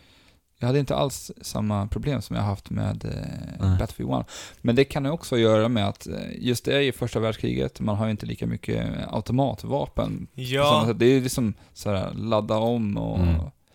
ett skott och då har man ändå liksom gjort lite mera vapen som egentligen inte fanns under den här tiden. Mm. Man har ju Ja, fått, man är, man har ju fått skruva på det lite grann för Ja. annars så skulle det här blivit så. Ja, precis. Sen Ja. vet jag inte riktigt, jag minns inte riktigt hur det var i Bad Company, men alltså i, i Battlefield 1 så är det ju väldigt mycket så att du måste så beräkna avståndet så här på dina, dina mål. Så du måste ju liksom egentligen skjuta lite framför fienden Ja, precis. för det är ju inte så att sikta och, och träffa direkt. Nej, inte Call of Duty Nej. liksom. Eh, Jag vet inte om det liksom är, är än mer så i Battlefield 1 än vad det har varit tidigare. Ja, det vet Det jag inte. vet jag inte riktigt, men, det- men det vill säga att det känns som att det är så. Mm. För att jag känner verkligen det i Battlefield 1. okej. Mm. Ja. ja, vi har ju spelat där med några, tillsammans med några från vår Discord-kanal. Ja, några lyssnare. Och, ja. Det är kul. Mm. Alltså, i början så här, det är, en, det är en snabb kurva att komma in i det här spelet. I början, alltså min medellivslängd var två, Det är Två för mig- sekunder. Det är den för Två mig. sekunder. Ja men Alltså- typ seriöst alltså. Ja, men det är ju det där jag tycker är lite häftigt med just uh, multiplayer också, för jag tycker det verkligen lyckas fånga känslan utav första världskriget. Just för att första, första världskriget är ju känt för det som de här, va, Ja. hur man bara välde ut på fält och skyttegravarna. De har ju, Slöseri med, av liv liksom. Ja, och det, det tycker jag att de lyckas ta till multiplayern. Eh, Eller hur? Det, det tycker jag också. Det är så här, det är Alltså, här de belyser hela krig. Ja. Man bara, medellivslängden som jag säger är på två sekunder. Ja. In Ja. på fältet dö, in på fältet dö. Alltså så var det verkligen i början. Det är där de drar fram den här mardrömmen som är krig liksom. Ja. Lite. Men eh, det finns ju sex olika spel, spellägen. Två nya. Har du spelat båda nya? Eh, jag spelar Operations. Ja. Det fungerar ju typ. Det är typ en blandning mellan Conquest, det här välkända eh, Battlefield-spelläget, och Rush. Ja. Som introducerades med Bad Company också. Eh, Så det fungerar att du har ett attackerande lag och ett eh, försvarande lag. Eh, Det attackerande laget ska ta över två flaggor Mm. i basen då. Och pusha Och framåt över en karta. Precis, pusha framåt. Och de här kan ju ta så lång tid. Ja. Alltså det är ju typ tim, alltså över en timme kan det ta alltså. En, en operations match. ja, det beror på hur, lite hur det går. Ja, såklart, såklart. Men och sen väldigt... så i, kör man det här i flera olika runder det här Mm. läget. Och det, det skyddande laget, Mm. så att de lyckas tappa det, liksom att de, de förlorar ett par runder, då kommer det lyckas spåna en så större fordon liksom. Ja, precis. Behemoth kallar Ja. de det för. Och det kan vara det här zeppelinaren som man fick se i trailers. Ja. Och det här, zeppelinaren är ju verkligen Alltså det är, så cool som eh, den ändå den ser ut i Ja. trailers. det är mäktigt så in i bomben. Alltså Men- när man ja. lyckas sänka zeppelinaren Ja. och den liksom faller ner brinnandes emot Ja. marken. Och vi pratar om förstörbara miljöer. Ja. Det häftiga med den här är att när den kraschar så förblir den kraschen Ja, på den skelettet platsen. ligger liksom kvar. Skelettet ligger kvar. Mm. Och står du under den så dör du. Mm. Riktigt, alltså det är riktigt häftigt. Men vad gör zeppelinan då? Det är ett eh, fordon som hjälper dig att plocka Ja. ut. Du kan sitta där i turret. Jag vet inte riktigt Ja, hur, okej. när man får det, men det känns som att man får det när man ligger lite i Ja, underläge. det är för att du ska kunna liksom vända tillbaka Ja, matchen. Liksom. precis. Eh, Så att de är bara så här övermäktiga egentligen. Ja. Okej. Så att det blir ju till... Och det är, det är lite, det blir liksom dynamik i matchen också, för då blir det till andra laget att liksom fokusera på att ha ner den Ja, egentligen. eller om de skippar den för att liksom ta Ja, för att ta plats, ja, alltså, det får man göra lite som... Ja. Man kan ju använda den taktiskt. Ja, liksom. exakt. Exakt. Men sen har vi War Pigeons också. Det är lite charmigt, charmigt litet spelläge. Det är typ Capture the Flag egentligen. Eh, Du ska hämta en duva. Och sen så ska man hålla i duvan en viss tid. För att sedan skicka iväg meddelandet. Ni vet ju hur man använde duvor Mm. som, för att skicka meddelanden och så. Mm. I första världskriget. Eh, Ja men det, det var så här hektiskt. Det, det är ju inte Battlefield liksom. Det är så här mindre avskalade banor. Mm. Lite mer eh, snabbt, lite snabbare spelmekanik så. Men det var ganska kul. Jag hade ganska kul med det, även om jag tror inte det kommer vara ett spelläge jag liksom återvänder till. Och det var en liten charmig tappning tycker jag. På, Mm. på liksom Capture the Flag. Och det, det roliga är också att när man skickar iväg duvan så kan det andra laget skjuta ihjäl duvan. De har ett, så här, ett fönster på sig två, tre sekunder där. Ja. Okej. Ja, det är lite kul. Ja, svårt också. Mm, precis. Jag, har- jag har bara hunnit spela Rush, Operations och Conquest. Vilken är din favorit? Uh, alltså Rush, men jag har haft jätte, jättemycket problem just med matchmaking i det här spelet. Ja. Alltså det blir väldigt... Om det, om det inte har blivit obalanserade lag så har det blivit så att en, en gång kan sitta typ 10 pers på ett lag Mm. och typ 5 på det andra. Mm. Då blir det inte så roligt. Ja, men jag håller med. Det har varit, det har varit ganska strulig början alltså ändå, på Battlefield 1.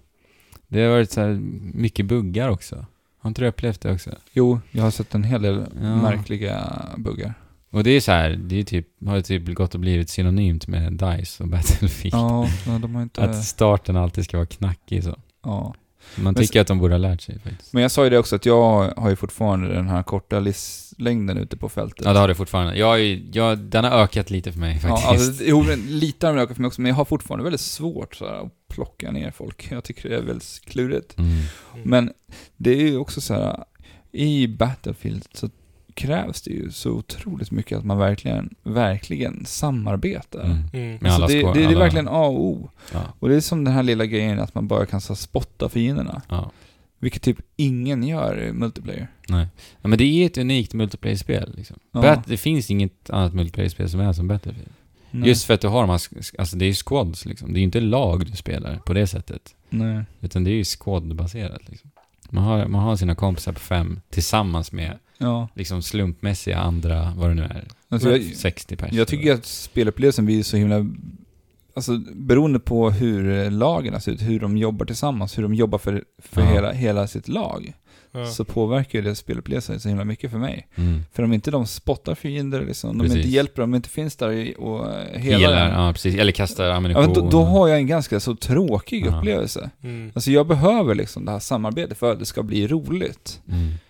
Men hur många kan du spela på samma server? På Eh, PC är det 64. Jag, jag har faktiskt Okej. ingen koll vad det är på konsol, men jag vet att det är mindre. Jag tror, att det kan, jag tror att det kan vara hälften av det, jag minns inte riktigt. Ja, eller 40. något Jag har inte hört någonting om Jag tror att det var det i fyran i alla fall, att det var Ja. hälften av det.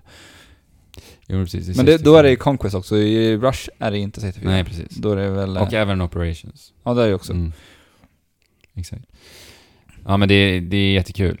Och skalan, alltså som du sa Alex. Det är så mäktigt verkligen. Mm. Och jag tycker om eh, bandesignen också så här, för det, det... Den är väldigt varierad, alltså olika, Ja. om olika typer av miljöer. Och det jag tycker om så mycket med bandesignen, det är att alltså liksom förhindren och sånt i världen är inte där för att... Eller vi ska säga att det känns inte som att de är där för att det ska vara en bra multiplayerbana. Utan det känns som att vi bara är droppade på en plats i England eller var vi är nu, Mm. på banorna.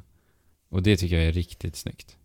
Det, det, vi, vi bara är på ett krig på den här platsen liksom. Och sen gillar jag också att det är mycket så här natur som är förhindren i världen. Det är typ berg och sådana där saker. Mm. Och inte så här sanddyner som är upp. Det finns också sånt, men väldigt mycket att det är verkligen är naturen. Mm. Väldigt bra. Det är coolt. Mm, det gillar jag. Sen är ju presentationen väldigt snygg här även. Du vet när man dör Alex. Mm. När banan bara zoomas ut. Ja, just det. Man får en så här överblick över hela banan så. Mm. Okej. Sen när man slängs in i, i slagfältet igen så bara zoomas man in. Och så är man i första Ja, person. det, det låter ju coolt. Som Ja. en cool effekt. Istället jag- för att skärmen bara ska ändras helt och hållet. Ja, och ser svart. ja. Eh, Men kan man, kan man se lite, får man då en, en överblick över banan? Ja. Så att du vet lite så här. Ja. okej, nu behöver jag göra det där. ja, Ja. precis. Du ser alla punkter som man har tagit över och vilken som man kanske behöver röra sig mot och, och så. Så att det är liksom lite implementerat att du kommer att dö. Ja. Ja. Men det är ju Sverige. Ja. Absolut. Mm. Men hur hittar man till sina squads då? Liksom, det känns ju som att det är lätt att bli separerade där ute på slagsfältet. Mm. Men Eh. likt som man, alltså det, i Battlefield har det alltid varit så, man kan ju spåna på sina squads. Okej. Så fort de är ute på fältet så markeras de som gröna Ja. figurer, då trycker du på dem. Så Spånar det är likadant här. Så man De- hänger ju ihop liksom hela Mm. tiden. Nej men... Eh, Om man inte är dum och spånar någonstans helt och pipan Ja, liksom. Det finns ju de som gör det i multiplayer också. Så springer den där på egen hand och tror att de är en Ja. jävla Rambo liksom. Eh, Och det är så frustrerande när man dör i Battlefield. För att nu, det, är en så här, det finns en mätare som indikerar på hur nära dina medics är när Ja. du har dött. Och om den står liksom på en meter och du inte blir helad, ja. då är det så här, men vad gör du? Då skickar du Spela ner, spelet. Då skickar du den även ner i bordet. Ja. Fast jag slutar med det nu för att det händer för ofta. Ja, ja. Mm. Då skulle bordet gå De sönder. sväljer det. Mm. Nej men Ja. eh, lite buggigt fortfarande. Jag rå- råkar på eh, många konstiga buggar, att jag inte kan använda så här fordon Hmm. och sådana saker. Jag kan inte skjuta med min tank. Oj. Som har varit, som har också så här varit typ permanenta. Alltså de har varit, varit liksom fast i mitt spel i liksom flera dagar i sträck av någon Jaha. konstig anledning. Sen bara försvann det så här. Mm. Ingen Och jag vet att vi hade Verkligen. flera problem med att typ sik- muspekaren försvinner i det här spelet. Ja men det är är någon av våra lyssnare har Ja, jag också haft det. Ja, du har haft det också. Ja. Ja. Så jag tror att det är något problem som säkert flera har. Ja. Men det, det kommer ju fixas liksom. Så. Men jag, jag tänker på just så här uh, customization i det här spelet. Det tyckte Ja. jag var väldigt svårt att hitta till först. Ja, det är lite bökigt faktiskt. Vi har att, ju eh, pratat mycket, alltså användargränssnittet är ju snyggt, är det ju. Men det är ju lite Men det är inte jättetydligt. Nej, faktiskt inte. Det första så här, intrycket var att det var tydligt. Men sen så här, men vänta nu, hur, hur kommer jag dit? Och, Ja. Alltså man, gör- men Mm. man eh, fixar ju sina, sina klasser i liksom death screenen kan man nästan säga. Alltså, eller spawn screen. mm. Mhm. Där du väljer din klass och så trycker du på kugghjulet där. Och Ja. då, därifrån kan du liksom gå in och, och ändra din klass. Och Okej. bestämma vilka vapen och vilka, vilka primary och secondary vapen och allt du ska ha. just Vilka det. granater du ska ha. Och sånt. Okej. Men det är också en fin sak med Battlefield. Eh, att det finns så otroligt mycket föremål. Ja. Det är verkligen en uppsjö. Men det är ju problem. Jag har ju problemet där. Alltså, jag ville hitta ett vapen som jag kände så här, det här kan jag, stå, det här kan jag ha ett. För jag har inte hittat något vapen Nej. som jag känner så här, Nej, det det har passar faktiskt mig. inte jag heller gjort riktigt. Och det finns ju en uppsjö med vapen som du säger, upp, i alla och olika klasser. föremål liksom. Och eh, då får man, man får ju pengar i det här Mm. spelet, när man spelar. Vad är det de kallar det för nu? Warbound va? Warbounds, precis. Och, eh, När du går upp i level. ja precis, det kostar typ 200 Warbounds för att köpa ett nytt vapen. Ja. Och det där är ju alltid så svårt. Fabian hade haft jätteproblem med det här. Ambivalensen. Ja, Ja. troligen. Alltså jag vet ju liksom inte vad man ska köpa för vapen. Nej. Jag vet ju vad jag vill ha, men jag vet inte hur det kommer Vad kännas det när är jag... Jag vet inte hur det kommer kännas om jag väl köper det. Det är Så- nästan Ja. så att man vill gå in på YouTube bara, Best weapons in Battlefield Ja. 1 Ja, liksom. okej. Faktiskt. För att, ja, det tar ju ett tag ändå att levla liksom. Ja, det gör ju det. Men hörni, ni snackade lite om uh, prestandaproblem och buggar så här. Så vi har en lyssnare som undrar eh, om ni har kört, ni har ju kört på PC. Ja, precis. Så har, ni nämnde några prestandaproblem som ni har märkt. Mm. Eh, men han har inte sett någon recension nämna det. Eh, men på forum och bland bekanta är det många som har problem med frame drops och att CPUn går upp till 100% Okej. Ja, In- används till 100%. Har du upplevt Jag har inte upplevt det. Nej, inte frame drops. Men alltså det är väl bara de här skumma buggarna liksom som Ja. jag har märkt. Ja, exakt. Just Och, och lite märkliga så här, serverproblem så. Ja. Men inte prestanda så sett. Så det flyter bra och processorn överhettas inte. Alltså jag har ju inte kollat. Nej. jag kan ju faktiskt ta och kika på det. Om den ligger på 100 procent. Det kanske jag gör. Ja, det kanske gör det. ja.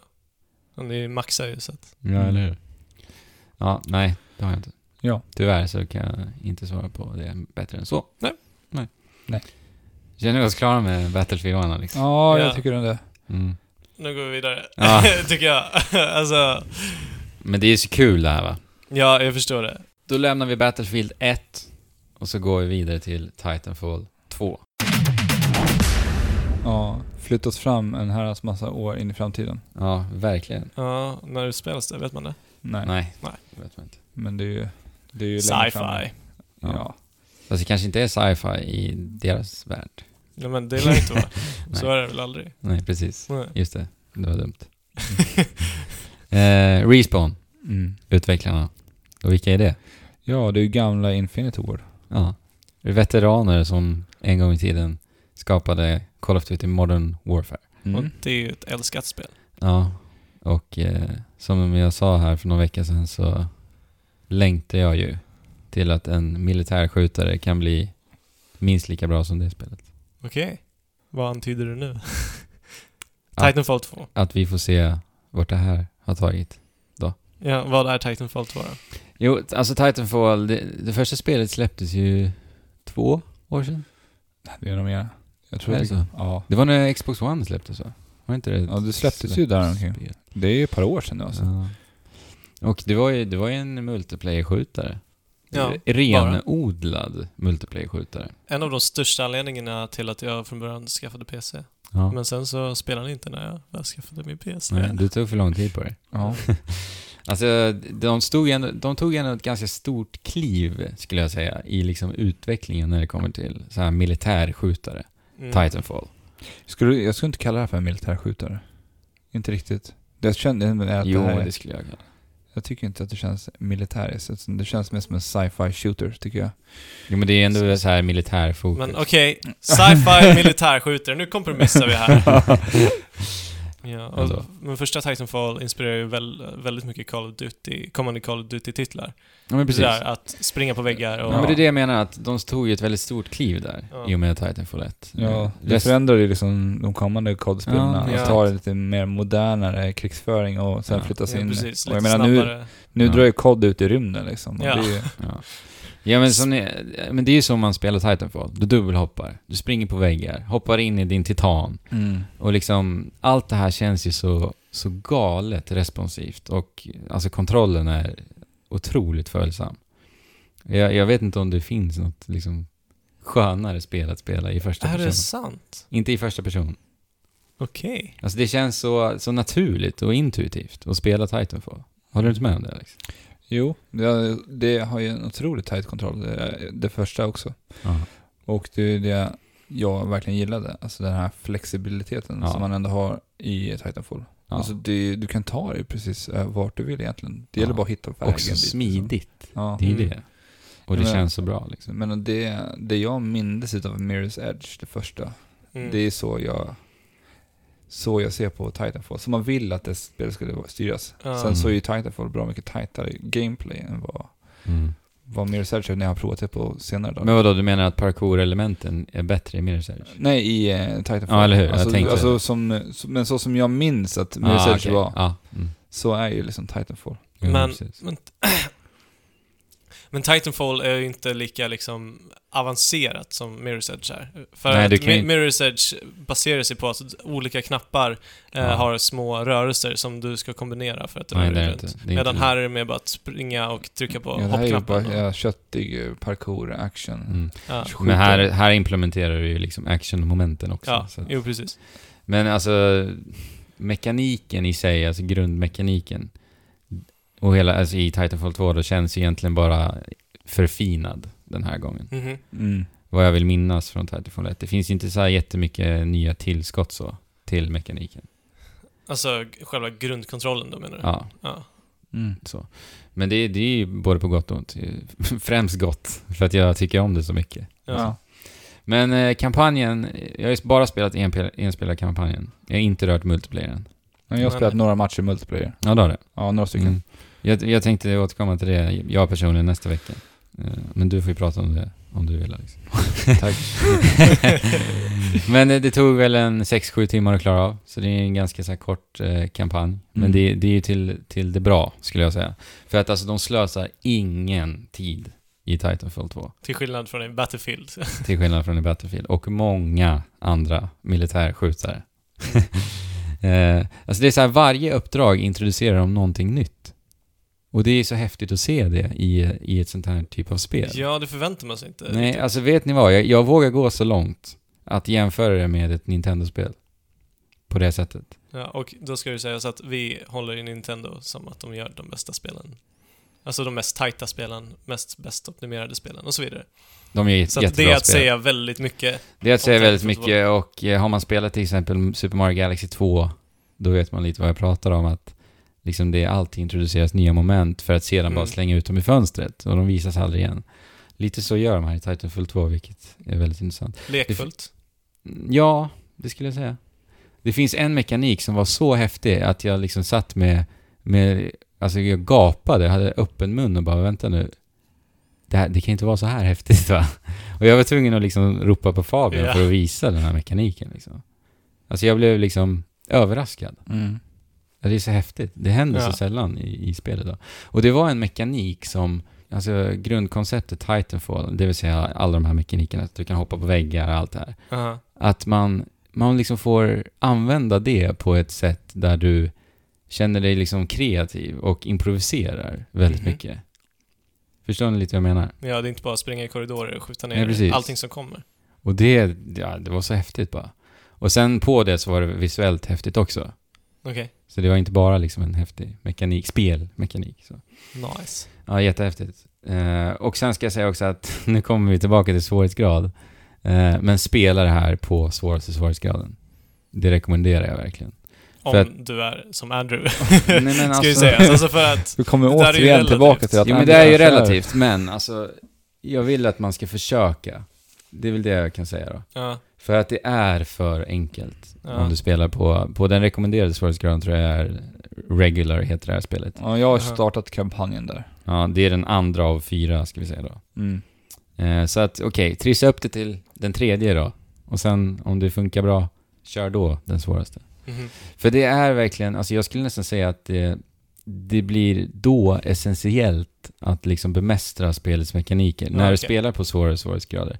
Och det är där du verkligen behöver så här, tänka snabbt och, och improvisera, så som jag berättade om man också gör i den här nya mekaniken. Mm.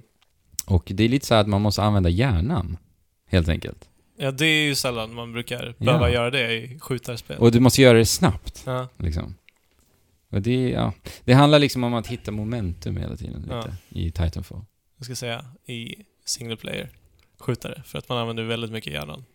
Med taktiska, Ja, i taktiska skjuters och grejer. Ja, precis. Och sen när du lär dig att, att skjuta samtidigt som du springer på väggar och sånt. Alltså det, är- Mm. det är en så Ja, härlig det känsla. låter ju tillfredsställande alltså. Ja, verkligen. Alltså. Och sen när man spelar på svårighetsgra- svårare svårighetsgrader så belönas man faktiskt också lite eh, genom att utforska eh, banorna. Okej. Ja, De för är att- inte f- helt linjära alltså? Nej, de är inte helt linjära. För att när du utforskar banorna i Titanfall så hittar du ofta så ammolådor, Jaha. eller vapenlådor. All right. Och där hittar du oftast väldigt bra vapen. Eh, Och de kan du verkligen behöva när du spelar på lite svårare svårighetsgrad. Ah, Och okej. det, det fina är att det är kul att utforska i och med att det är så roligt att hoppa. Det, alltså det är bra plattformande. Mm. Okej. Och sen finns det även eh, collectibles i spelet och det är så här pilothjälmar som Ja, lyser. de har hittat. Precis, och det fina är att man har hittat dem. Alltså det är inga collectibles där du liksom ska eh, skjuta på en spricka i marken och där under så gömmer den sig, utan de ser du. Och sen så, och då motiveras man ju till att bara, "Ja, men jag kan ta den på vägen. För att det är roligt att hoppa liksom. Ah, okej. Och det är nio Det- gånger av tio att du ska hoppa och genom olika plattformar för att ta dig dit då. Och Okej. det kan vara ganska klurigt ibland. Coolt. Ja, Men Så vad det- ger de här collectibles då? ingenting. Ingenting? Nej. Nej. Men det är ändå så här, när man bara ser den så bara, ja men det är kul att hoppa så jag... Ja, bara, bara för att det är kul. ja, precis. Behöver inte... Men vi kan säga att kampanjen den börjar med en, en mellansekvens där Respawn typ målar upp att eh, de här pilots, som de heter, de som alltså rider i de här titanerna, att de är riktiga jädra supersoldater. Du vet den här första sekvensen man fick säga, Mm. mellansekvensen. Och tidigt i spelet så, så får man ju se en, eh, en sån här pilot eh, gå miste om livet. Då. Eh, och då, då får du, protagonisten, Jack Cooper, som vi spelar, får beskåda när den här piloten dör och då blir vi liksom landsatta på en främmande planet med en titan och du själv då. Och då, eh, vad ska man säga, godkänner eller Ja. tillåter Han den här titaten, precis, han tilldelar oss att bli eh, efterträdare egentligen. Ja. Okej. Få tillgång till hans titan, för man måste Ja. vara kopplad som jag förstår till de här titans. Ja. För de kan ju typ känna av Och vem det de som är sitter där. sentienta, eller alltså de är medvetna. Ja, det. Ja. Så att han, eh, man blir liksom den efterträdande mästaren, skulle man kunna säga, över den titanen då. Så att eh, han går ju från fotsoldat till pilot på, på ett knäpp. Men alltså, så att bara den här kopplingen mellan Titan och Pilot gör dem till supersoldater? Nej, Eller? nej det är mycket annat också. De har ju så här, deras rustning har ju så här jetpack och allt vad det är. Ja, Så du behöver ju träning verkligen för att bli en pilot. men varje fotsoldat har den träningen alltså? Ja, det, det, det verkar som att de målar upp det som att det är liksom en fotsoldats dröm. Att Ja. en gång bli en pilot. Ja, okej. Och eh, ja, få, få rida på, i de här titanerna liksom. Och vem vill inte sitta i en titan? Stor meck liksom. Ja. Ja. Ja men precis. Speciellt Så- efter man har tittat på Pacific Rim. Det, det är ett stort, stort ögonblick för Jack Cooper, det här. Att han äntligen liksom får, får sitta Ja. i en titan och bli en pilot. Okej. Men egentligen så händer det av misstag liksom, så att... Ja, men eh, egentligen så hela spelet igenom så, så är det lite av en så här kompisresa, typ. Jaha. Ja. Så det handlar mycket om deras relation med varandra och... Okej. Det är inte bara så här asmycket action? Ja, men det är det ju. Vadå, mellan ti- titanerna och... Ja, precis. Ja. Jack Cooper och BT, som titanen heter. Och det är till och med dialogval också, Jaha. emellanåt. Och det är, det är så här småskärmiga dialoger faktiskt. Eh, emellanåt så är det så här att BT, titanen då, han har liksom svårt att förstå sarkasm och, eh, och ironi då i och med att han är en, en robot. Robot, liksom. Han kan inte förstå känslor på det sättet. Och han är väldigt så här formell och pratar verkligen så här ordagrant. Ja. Och det, det bidrar till ganska roliga dialoger ibland. Och han pratar väldigt så här monotont också. Och i samma tonläge. Ja. Så ofta när han säger saker som, som där tonläget inte alls passar ihop så, så blir det ganska roligt. Och det, det fanns ett exempel där, där BT, eh, nej där Jack Cooper skrev, eller skrev, Oj. det fanns ett exempel där Jack Cooper säger då 'Glad to have you back in one piece' Ja. Och då, då, skri, då säger då BT titanen 24 thousands to be exact. Ja, det var kul. ja men det, det, det, det, men är, lite så här, det är lite charmigt liksom. Jo, jo, visst, precis. Det är inte bara dödsseriöst hela tiden. Nej. Nej. Nej. Men, men sen, alltså jag köper ju inte riktigt liksom egentligen att, att Jack Cooper, som jag säger, går ifrån en fotsoldat till en pilot på ett knäpp och sen helt plötsligt så kan han så här manövrera upp på väggar och hoppa Men omkring. det är ju actionfilm liksom. Det är så Ja. det är. Ja. Men man får ta det för vad det är lite liksom. Det, ja. Storyn är inte så här fokuset där liksom. Nej. Men han blir ju liksom den bästa piloten egentligen. Av Men det- alla. Men det är ju klart. Du, Ja. du vill ju bli den bästa. Du vill inte styra typ den tredje bästa. Nej. Nej. Man vill ju vara bäst. Jo, det är sant. Men alltså överlag så är det ju en platt berättelse. Ja. Alltså det, den lyckas aldrig fånga mitt intresse. Och det, det slutar med att jag bryr mig inte ett skit om Ja. den. Nej, nej. Och det är så här väldigt amerikansk, amerikanskt klyschigt. Mhm. Och i slutändan så handlar det bara om att man ska stoppa en jädra eh, super, eh, supersoldat. Och eh, stoppa ondingar från hemskheter. Mm. ja. ja. Platt avvägt och generiskt. Speciellt an antihjälten är väldigt, väldigt generisk. Eh, så det är lite tvärt, tvärtom här. Eh, när vi pratar Battlefield 1 Ja. och Titanfall 2.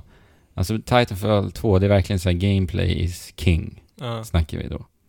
Vad tycker du om det här universumet Alex, rent så här designmässigt?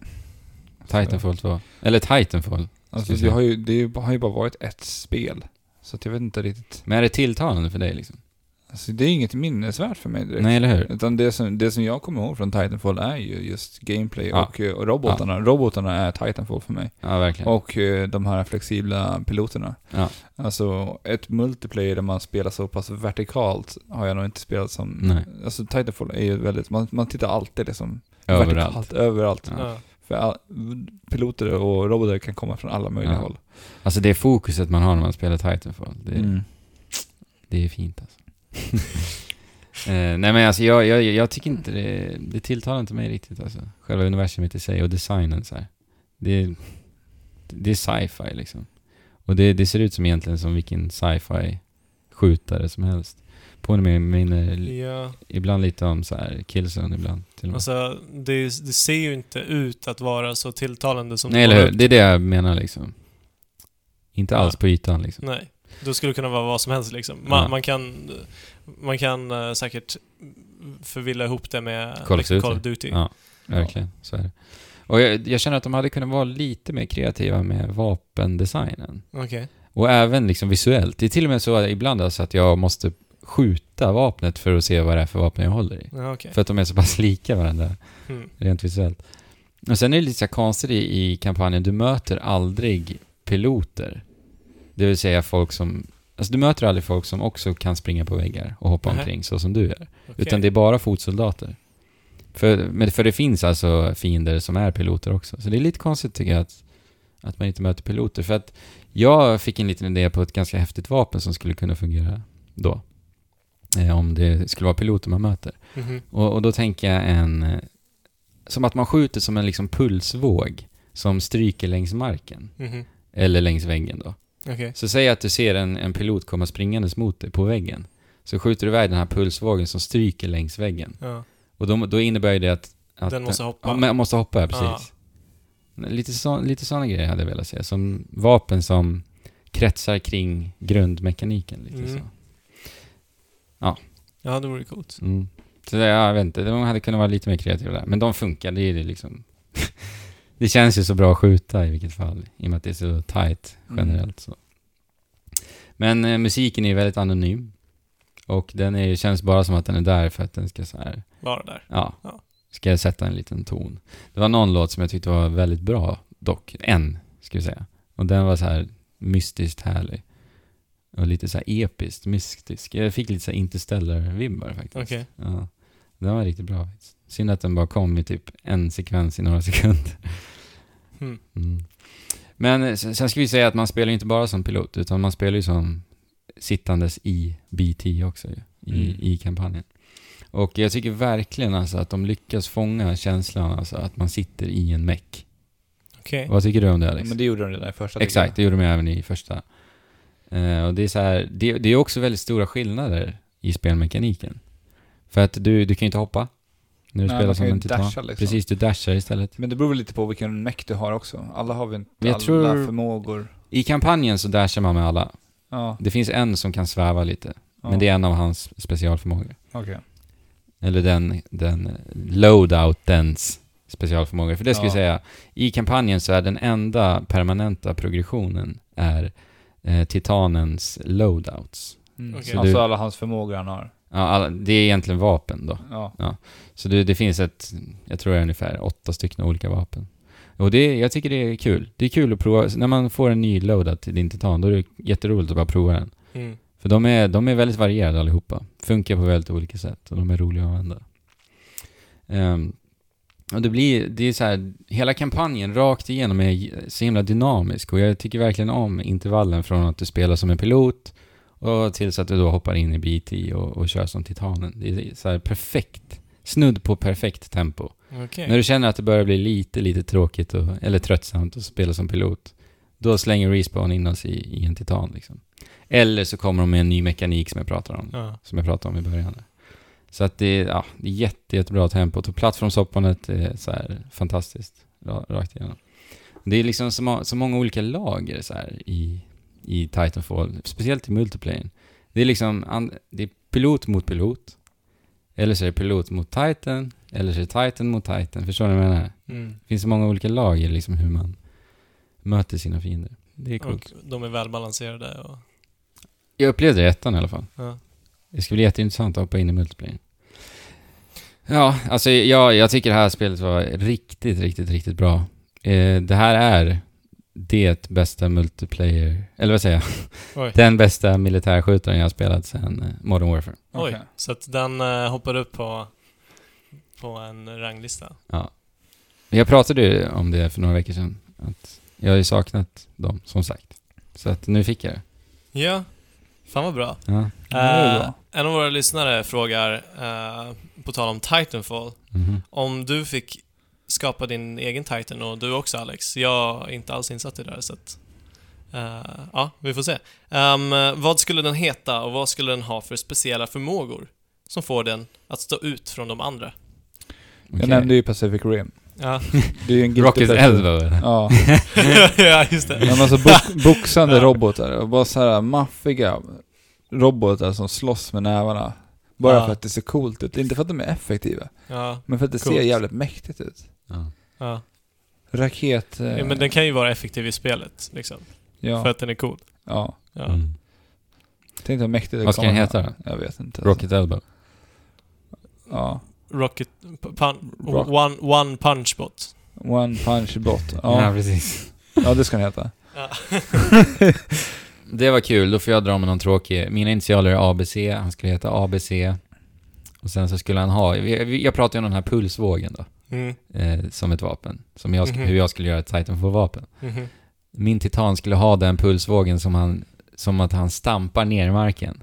Och så blir det liksom som en cirkel av pulsvågen. Som Upp på väggar och marken överallt. upp, eller? Ja, precis. Över hela, täcker hela banan. Det är ju faktiskt coolt. Så plöjer Ja. liksom. Stomper. Ja, men Ja. precis. Och om det råkar vara en titan framför dig som, som snubblar på den här pulsvågen. Ja.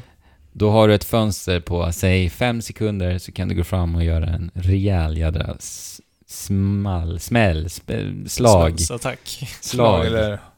Vad ska han göra?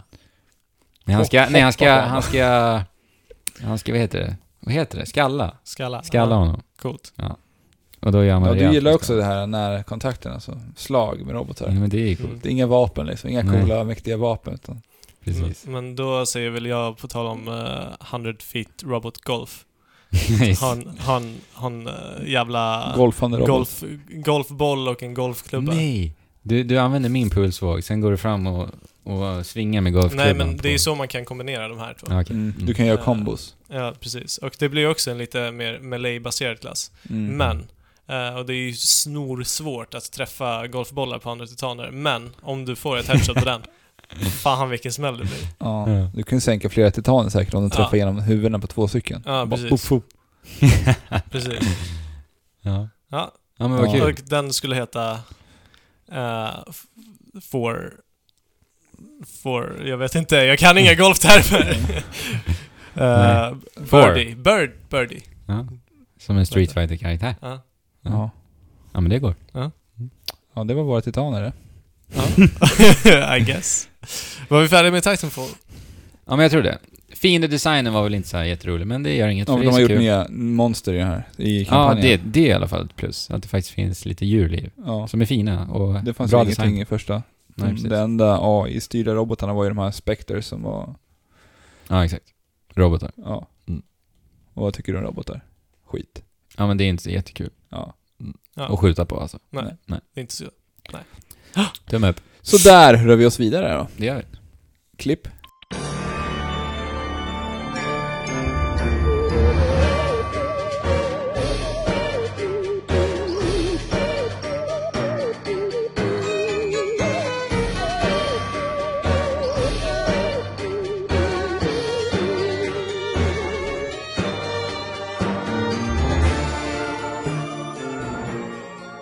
Nintendo Switch pratade Ja. vi om förra veckan. Ja, Ja, alltså. en hel del. en hel Eh, del. och det var ju precis, alltså bara timmar efter avslöjandet, så att vi var ju väldigt, väldigt, väldigt uppspelta och Ja, vi- entusiastiska. Alltså vi var som barn på julafton. Vi svävade ju på rosa moln. Det gjorde vi verkligen. Ja. Lite. Så nu har det ju gått, vad är det? Två veckor snart. Ja, det är snart två veckor och vi har liksom hunnit smälta våra intryck. Vi har hunnit reflektera, analysera. Vi har fått flera rykten. Flera Ja, rykten. Precis. Alltså Ja. min eh, farhåga så här, eh, med den här lilla tre minuters trailern det var ju att Nintendo bara sk- så här, skulle försvinna in i mörkret Mm. direkt efter att den var över. Mm. Och Men sen- det var väl det de sa också att de skulle göra. Nej, det sa de nog inte. De Så sa att att de inte skulle visa någonting mer någonting utav... mer. Ja, men det sa de ju efter. Det är det jag menar. Att Ja. innan så var ju det Ah, min ja, farhåga. Jo, jo. Mm. Eh, och det är ju skönt i alla fall nu att vi vet att den 13 januari så kommer Nintendo alltså hålla ett eh, livestreamat event i Tokyo. Mhm.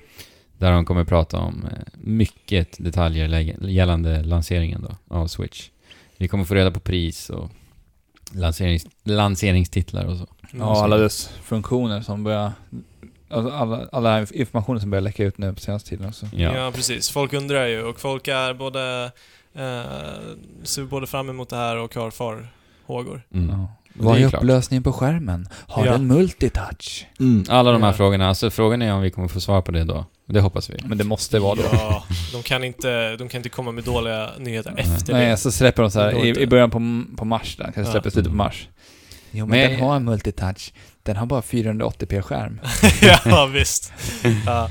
Men alltså jag känner så här att jag hoppas att de liksom vräker på med alla, all information då. Ja. För grejen är alltså, dåliga nyheter kommer att komma. Ja. Alltså, det är bara så. Men vad skulle de här dåliga nyheterna kunna vara då? Men det kom ju upp en nyhet häromdagen Ja. Mm. om eh, 4 GB minne till exempel. Ja men jag tänkte att vi kan gå, Ja. vi kan ta så här steg för steg. Vi börjar med specs, så då kan vi gå in på... Ja. 4 GB minnet. Det är bara det dubbla ifrån vad Wii U har. Mm, precis. Alltså ramminnet då. Ja. Och det är hälften av vad Xbox One och eh, PS4 har. Ja. Ja, och det är en fjärdedel av vad min dator har. ja. Mm. Och det var ganska klent. Men sen Ja. vet vi inte heller om, för det har ju också varit ryktena om att den här dockan som man ska ha, att den kan sitta på extra kraft dessutom. Ja, Ja, men det verkar ju det vara kan ju vara snarare så att den... Att den uppskalar istället. Ja, precis. Så att när... Om, det, om ryktet stämmer att upplösningen på plattan är 720p, Ja. Så Mm. när du dockar den då så skalas det upp till 1080. Förmodligen är det ju så. Ja, och alltså anpassat för en TV-skärm. Ja. Alltså den 720p är ju anpassat efter Ja, den, lilla skärmen som, precis. som Ja. den har. Men alltså jag hoppas ju att de slänger på med... Alltså som jag sa, dåliga nyhet- nyheter kommer komma, men, men liksom om det är massa bra nyheter, Mm. då kommer ju det liksom överskugga de dåliga. Ja, men alltså vad säger vi om det här med ramminnet då? Alltså, Jag har ingen, alltså jag har ingen jädra koll på det där egentligen. nej. Alltså Men man- vad, är, vad är i praktiken när Nej, man... nej men alltså det, problemet med det blir väl snarare att jag tänker tredjepartsutvecklare kanske kommer kunna ha problem Mm. att göra konverteringar av Ja. spel till eh, Switch. Ja, Där kommer det bli precis. begränsningar.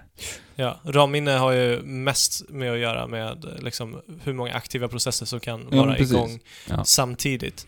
Eh, Jo, men så det är- att, säg, alltså, om det skulle vara jättemånga karaktärer på en skärm så kommer vi behöva mer ramminne. Mm. Mm. Assassin's Creed i Egypten kanske inte kommer funka så bra.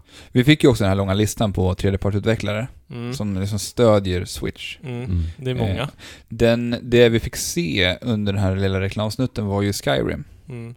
Och det kan jag tycka är också en liten farhåga att vi får se Skyrim som ändå är ett par år gammalt spel. Mhm. Att man inte liksom visar upp ett aktuellt spel. Det hade räckt Ja, med att de hade precis. visat upp till exempel Dishonored 2 om de nu skulle ha haft någonting från Ja. Bethesda. För det här blir också väldigt konstigt. Fan, är det där det gamla Skyrim eller är det remaster som kommer nu liksom? Som Ja. kommer här? Jo, men det är ju Men, det folk ja. snackar om också. Ja. Men det var ju egentligen bara för att, ja, det är ju ett meddelande till att, ja, vi har en... Jo men det blir ändå väldigt luddigt med det att man tar ett så pass gammalt spel. Det hade, Jo, varit, det hade det- varit mer tydligt meddelande om man hade tagit ett aktuellt spel. Mm, jo, som ändå absolut. är, som inte Jo. har släppts till andra plattformar ännu. Mm. Men grejen är att hade inte, alltså vad skulle det vara då? För att förmodligen kommer ju inte ens Dishonored komma till en Switch. Liksom. Skyrim kanske ju faktiskt gör det liksom. Ja, alltså, eller ja, det måste du ju nästan göra nu. Ja. Ja men bara att visa någonting som är nyare och fräschare. Men då är också Ja. frågan så här, men okej, men vad, vad ska Bethesda göra då i så fall? Om de inte Dishonored eller de inte... hade kunnat visa Prey. Prey. Prey har inte kommit. Ja, men om inte det heller kommer dit då? Alltså, vad, vad Ja, vad är men det? Något, något aktuellt spel Ja, som de visar. för Det behöver anna, inte vara annars så Bethesda. har vi ju det där problemet. Ja. Alltså att det inte kommer komma spelen som kommer till Xbox One och PS4. Och det, det är Ja. precis det jag menar. Ja. Alltså, då ger det ju fel signaler liksom. Ja. Det är därför jag menar att det blir väldigt luddigt med just Skyrim. Men det kanske är precis vad deras avsikt var med att visa Skyrim. Ja, eller... Ja, för det är det de Att- kommer göra. De att, kanske- att det är luddigt, att de, alltså, de kanske inte riktigt vet hur det kommer se ut Arta heller. För, för jag, jag fick, när, när jag liksom hunnit smälta det så får jag samma känsla som jag fick med Wii U. Oj. För vi, vid Wii U-releasen Ja, så fick vi se gamla spel återlanseras på Wii U ja. när den släpptes. M- Ganska fick- många. Vi fick se Batman, vi fick Mass se Mass Effect Mm. och jag vet att det var några till. Ja, Och det är Deus Ex eh, Ma- Human Revolution kom också. ja just det. Mm. eh, och det är det jag menar, jag får bara den känslan Mm. av den där lilla speltrailern. Mm. Mm. Jo, visst. Det är sant, men eh, alltså när Wii U avtäcktes så var ju å andra sidan tredjepartsstödet typ, alltså hälften.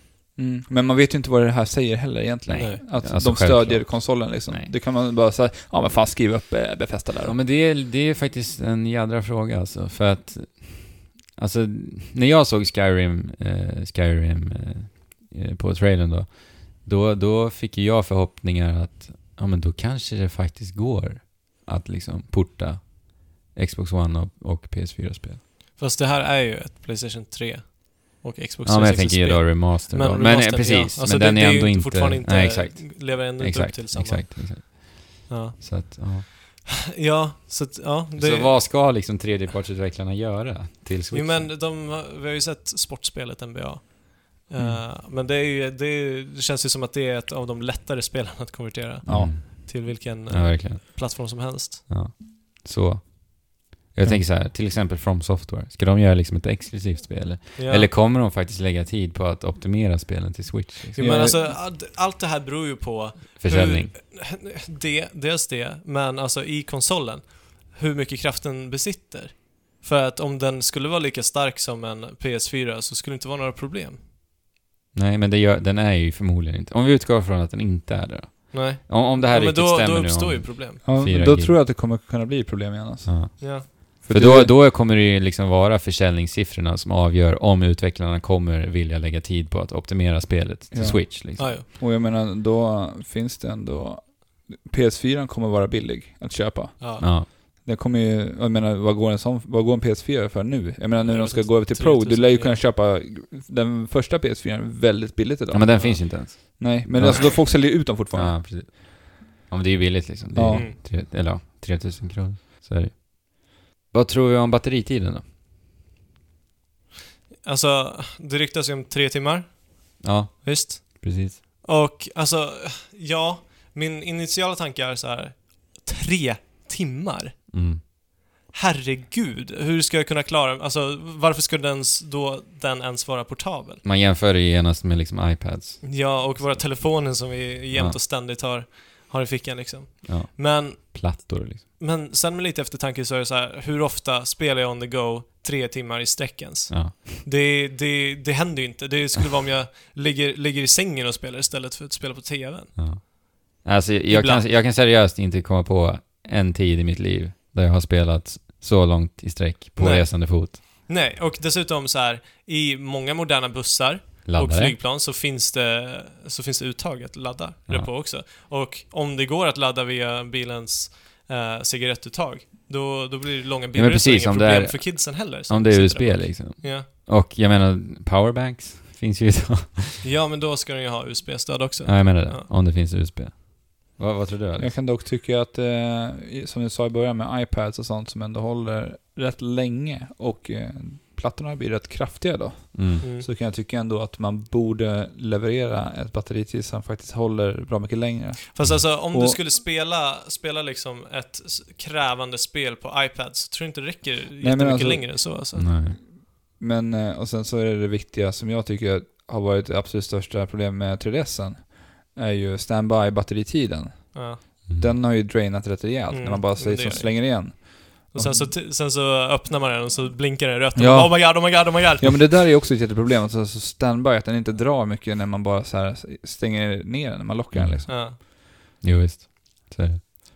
ja, för att det kommer man ju troligen vilja göra. Man kommer inte vilja stänga av konsolen mellan, alltså när du går av bussen eller så, utan du vill ju ha en i standby-läge. Ja, jag Så är hoppas att det är välfungerande Jaha. standby-läget. Men sen är det ju så här, alltså när man är hemma då, då kommer man ju liksom stoppa ner den i dockan. Och då laddar den ju förmodligen när den Ja, är i dockan då. ja. Men alltså grejen är, ehm, tillfällen då det här skulle vara ett problem är i alla fall för mig eh, väldigt sällan förekommande. För att då det blir ett problem är när jag inte har någon el tillgänglig. Ja. Och el har man ju tillgänglig. Alltså det är ju om jag skulle ut i djungeln typ. Ja, alltså för mig personligen är också det här, det är inte ett problem. Alltså det är inte det. Men ja, Men vi, vi kanske om man drar spelar... på en campingtripp och, och vill ta Ja. med sig, alla kompisar tar med sig en Nintendo Switch Alltså, liksom. alla Ja. spelar ju portabla spel annorlunda också. Ja, precis. Vi, men vi, Men det är det. vi spelar ju ofta portabla spel hemma liksom. Ja. Ja. Och jag menar, det finns ju faktiskt de som använder det här och Ja. spelar liksom på väg till jobbet. Precis. Jag förstår att det här är en viktig fråga liksom, hos folk. Men i så fall så är ju tre timmar en bra, en bra tid.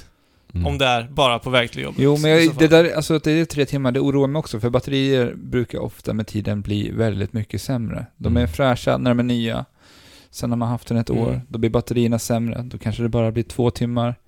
Jag menar, sen så det, är, det, det, det är lite roligt för mig att du säger det här, för jag är jätte eh, orolig för min laptop-batteri och du bara Va? Jag behöver inte plugga i batteriet, litiumbatterierna är så, så avancerade idag. Ja, men med, med datorer brukar jag ha rätt kraftiga batterier. Det märker jag i alla fall på min laptop. De har Mm. rätt rediga batterier, så den räcker ju mycket längre än mycket annat. Mm. Ja. Ja, jag vet inte.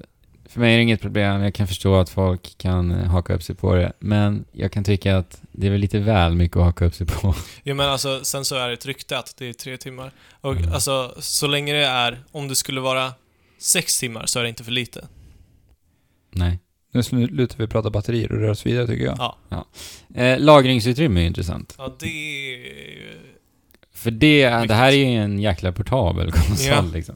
Eller, det är ju faktiskt främst en, en hemmakonsol. Men du kan ta med dig den. Mm. Eh, ja, vad tror vi här? Men vadå, de har väl, det har väl ryktats om 32 gigabytes internminne och Ja. stöd för microSD Precis, det är riktigt. på 128 gigabyte max då. Ja, Så att alltså totalt ungefär 150 gig. precis. Och det låter ju väldigt lite när man köper liksom en terabytes hårddisk på sina, sin Xbox One och... Mm. Vad, vad tänker du om det här? Liksom?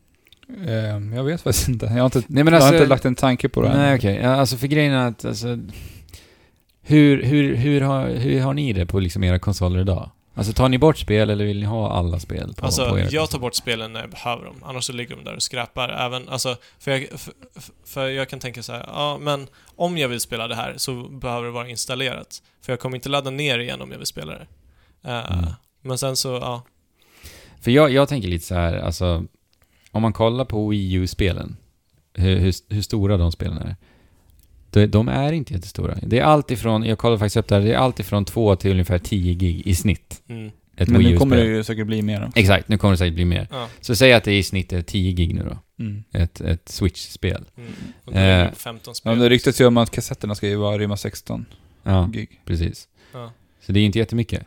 Och om vi, för det kommer ju sj- självklart finnas eh, att ladda ner spel också via e-shoppen. Och Ja. har vi ett internt minne på 32 gig, du köper ett eh, microSD på 128, då får du ändå plats med 10-tal spel. Ja. Och jag menar, hur ofta spelar du 10 spel samtidigt?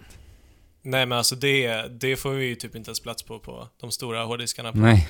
På våra På en dator liksom. Mm. Men grejen är, Nintendos egna spel optimerar dem så jädra Ja. bra så att de kan komprimera dem till väldigt små eh, datafiler. Medan Frågan är ju tredje part. Ja, tredjeparten som ska vara optimerade till alla olika typer av maskin, eh, De kanske kommer vara jättestora. ja, de kommer bli större. Och jag menar, Mm.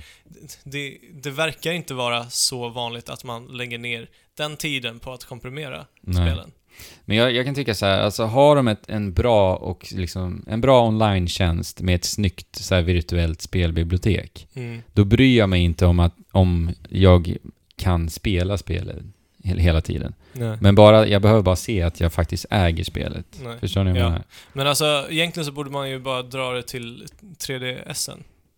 Alltså, Ja. det, det blir ju samma sak. Det blir samma sak. Eh, där har jag, tror jag, 32 gigs, men där är spelarna absolut inte lika stora. Nej. Men jag får bara plats med ett fåtal och det är inget problem överhuvudtaget. För att kassetten är ändå så lätta att ta med sig. Mm. Eh, Det, det är liksom inte att ta med sig en skiva, det är ju jobbigt. Mm. För att man kan inte liksom lägga flera skivor i samma fodral och så vidare för att riskera att repa Nej, skivan. Eh, så att, och, och Switch kommer ju också använda sig utav kassetter. Ja. Exakt. Så vi får hoppas att de har ett smart system eh, i sina originalkartonger. Ja, så där att man, kanske kan sätta in flera spel Ja. i en kartong. Så att man faktiskt kan eh, ha med sig dem. Ja, Och, ja. Jo, det, det är faktiskt en poäng. Det har jag inte tänkt på. Och sen är det ju härligt också att vi, liksom laddningstider kommer ju så gott som elimineras i och med att det är kassetter. mm. Det är härligt. Har vi någon mer punkt? Ja, alltså vi pratade lite om plattan. Att det skulle vara, ha en eh, 720-upplösning, eller hur? Mm. Mm. Nämnde du någon, vi någonting om att det ryktas om att den ska faktiskt ha en touchscreen? Ja, multitouch. Multitouch, ja. Ja, det gjorde vi. Ja, den ska väl ha multitouch. Och den här joyconen ska man kunna peka på på skärmen Ja, när precis. vid... Ja, IR. IR, ja, som en Ja. Wiimote. Ja. Och, då, och det är ju positivt att höra det, för att då, då kan det ju faktiskt finnas liksom touchfunktioner i spel. Ja, För att då kan du ju då använda IR-funktionen på Joy-Conen ja när den är dockad. precis. Men så länge de inte är liksom för viktiga. Nej men det tror jag inte. Alltså, Nej, speciellt inte med tanke på den här trailern också. Nej. Det är inget fokus på det liksom. Men, eh, jag har sett många klagomål eh, om det på internet. Att folk inte har sina konsoler framme liksom. Mm. Så att då kommer, om, om de har en IR-läsare på själva eh, konsolen så, så kommer de inte kunna nyttja sig utav det. ja, det, det. det, kan ju vara, det kan jag ju förstå. Mm. Ja, just det. Men sen har ju eh, Nintendo och Tatsumi Kimishima har ju pratat lite om VR också, och Nintendo. Mm. Och de ser att det finns en möjlighet att de faktiskt kan utveckla VR-spel. Och det är en plattform de kan tänka sig att röra, mot, Men, röra sig mot. men då kommer det funka som Gear VR typ. Alltså, det får vi ju se liksom. De, men det är bara lite kul att se att Men det kanske inte ens är switchen. Nej, eller hur? Nej. Det kanske inte Nej, ens. Det kan vara till mobilerna liksom. Ja. Deras mobilsatsning. Men det är ändå lite kul att se att de faktiskt Ja. sneglar åt det också. Ja. Men sen så här, alltså vad, vad kommer vi få se på det här eventet i, i januari? Jag tror inte... Ja men, ja men jag tänker så här, vad, vad, vad kommer det vara för inramning liksom? Alltså kommer det vara riktat till fans? Eller kommer det vara riktat till, till journalister, till media, till... Ja. Vadå, du menar om det kommer vara en Nintendo Direct eller en vanlig presskonferens? Nej men det kommer ju vara en presskonferens, Ja. det är ju ett event. Och det kommer ju vara, alltså det, det är ju inbjuden media dit. Mm. Ja. De kommer göra det de måste göra det och sprida det här till folk, stora folkmassan. ja. Ja. Jag tror det också. Eller jag hoppas det. Jag, jag, snarare. jag är nästan helt hundra på det, de det gör vore, det vore det ju är det kul. enda rätta de kan göra. För att Ja. sitta och titta på blinka till fansen nu, efter krisen de har haft med Wii U, Mm. Mm. Det skulle liksom vara slutet för dem. Ja, det Alltså, skulle kunna med, vara då skulle, alltså de måste ju liksom göra så här för att liksom få igång en försäljning. det. Mm. Trigga liksom Ja. igång den stora publiken. Eller hur? Ja, men jag tror det också. Och det, det, det var ju länge sedan vi såg Nintendo uppe på scenen. Det var liksom Wii U-utannonseringen. Mm. Eller? Ja, någonstans där Ja, i alla fall. tror det. Ja, det var ju liksom flera, flera år sedan. Så det Mm. känns så kul och jag hoppas att det verkligen är så de kommer göra nu. Ja. Att se dem här igen på scenen. Och liksom få den här, den här liksom överväldigande peppen ifrån publiken och allting. Alltså de behöver bara positiv energi. Det är lite det jag vill komma till. Nintendo. Under den här liksom eventet också. Mm. Och där kan ju det bidra att de faktiskt har ett live-event. Ja. Men alltså, det, det spelar ingen Alltså de måste ju bara vara, vara tydliga med allting. Mm. Och, och säga då att nu, nu kommer vi släppa en bundle med Breath of the Wild. Så Mm. kommer mycket att lösa sig. Det, själv, alltså, tror jag. tror ni att, Alex, jag frågade Fabian där tidigare idag. Tror du att eh, Switch kommer släppas med, alltså paketerat med ett spel som liksom demonstrerar Ja, vad Switch är? Definitivt. Så som Wii Sports och Definitivt. Nintendo Land. Vad, vad tror du det kan vara? Eh, Jag vet inte. Alltså det är, jag känner att det är så här lösdraget att sitta och spekulera vad det skulle kunna vara liksom. Nintendo är duktiga på att överraska. Mm. Och jag kommer förmodligen inte Men vad är det alls- som är Switch då? Alltså det är väl att... Ja men det är demonstrera typ så här Kontrollmöjligheterna. Joy- Joy-Con. Liksom. Ja. Spela två stycken. Alltså jag- fick bara en tanke att Mario Kart skulle kunna vara ett sånt spel. För jag menar Mario Kart, om det nu är bara en liksom uppiffad version av Mario Kart 8. För att Mario Kart 8 är ju ändå ett, ett relativt gammalt spel nu. Så det skulle ju inte kosta dem särskilt mycket att bara piffa upp det lite och sen paketera det med Switch. Ja, jag hoppas att de släpper alla de här gamla Wii U-spelen vid release, som Splatoon, Mm. Mario Kart 8, Enchance Edition liksom. Ja. Mm. Alltså, Det är ju lite, lite trist liksom att behöva betala för dem igen så, men Ja. man förstår ju också varför. ja men om de skulle vara uppiffade och de liksom ja, men- fortsätter att liksom ta hand om plattformarna så ser jag Ja.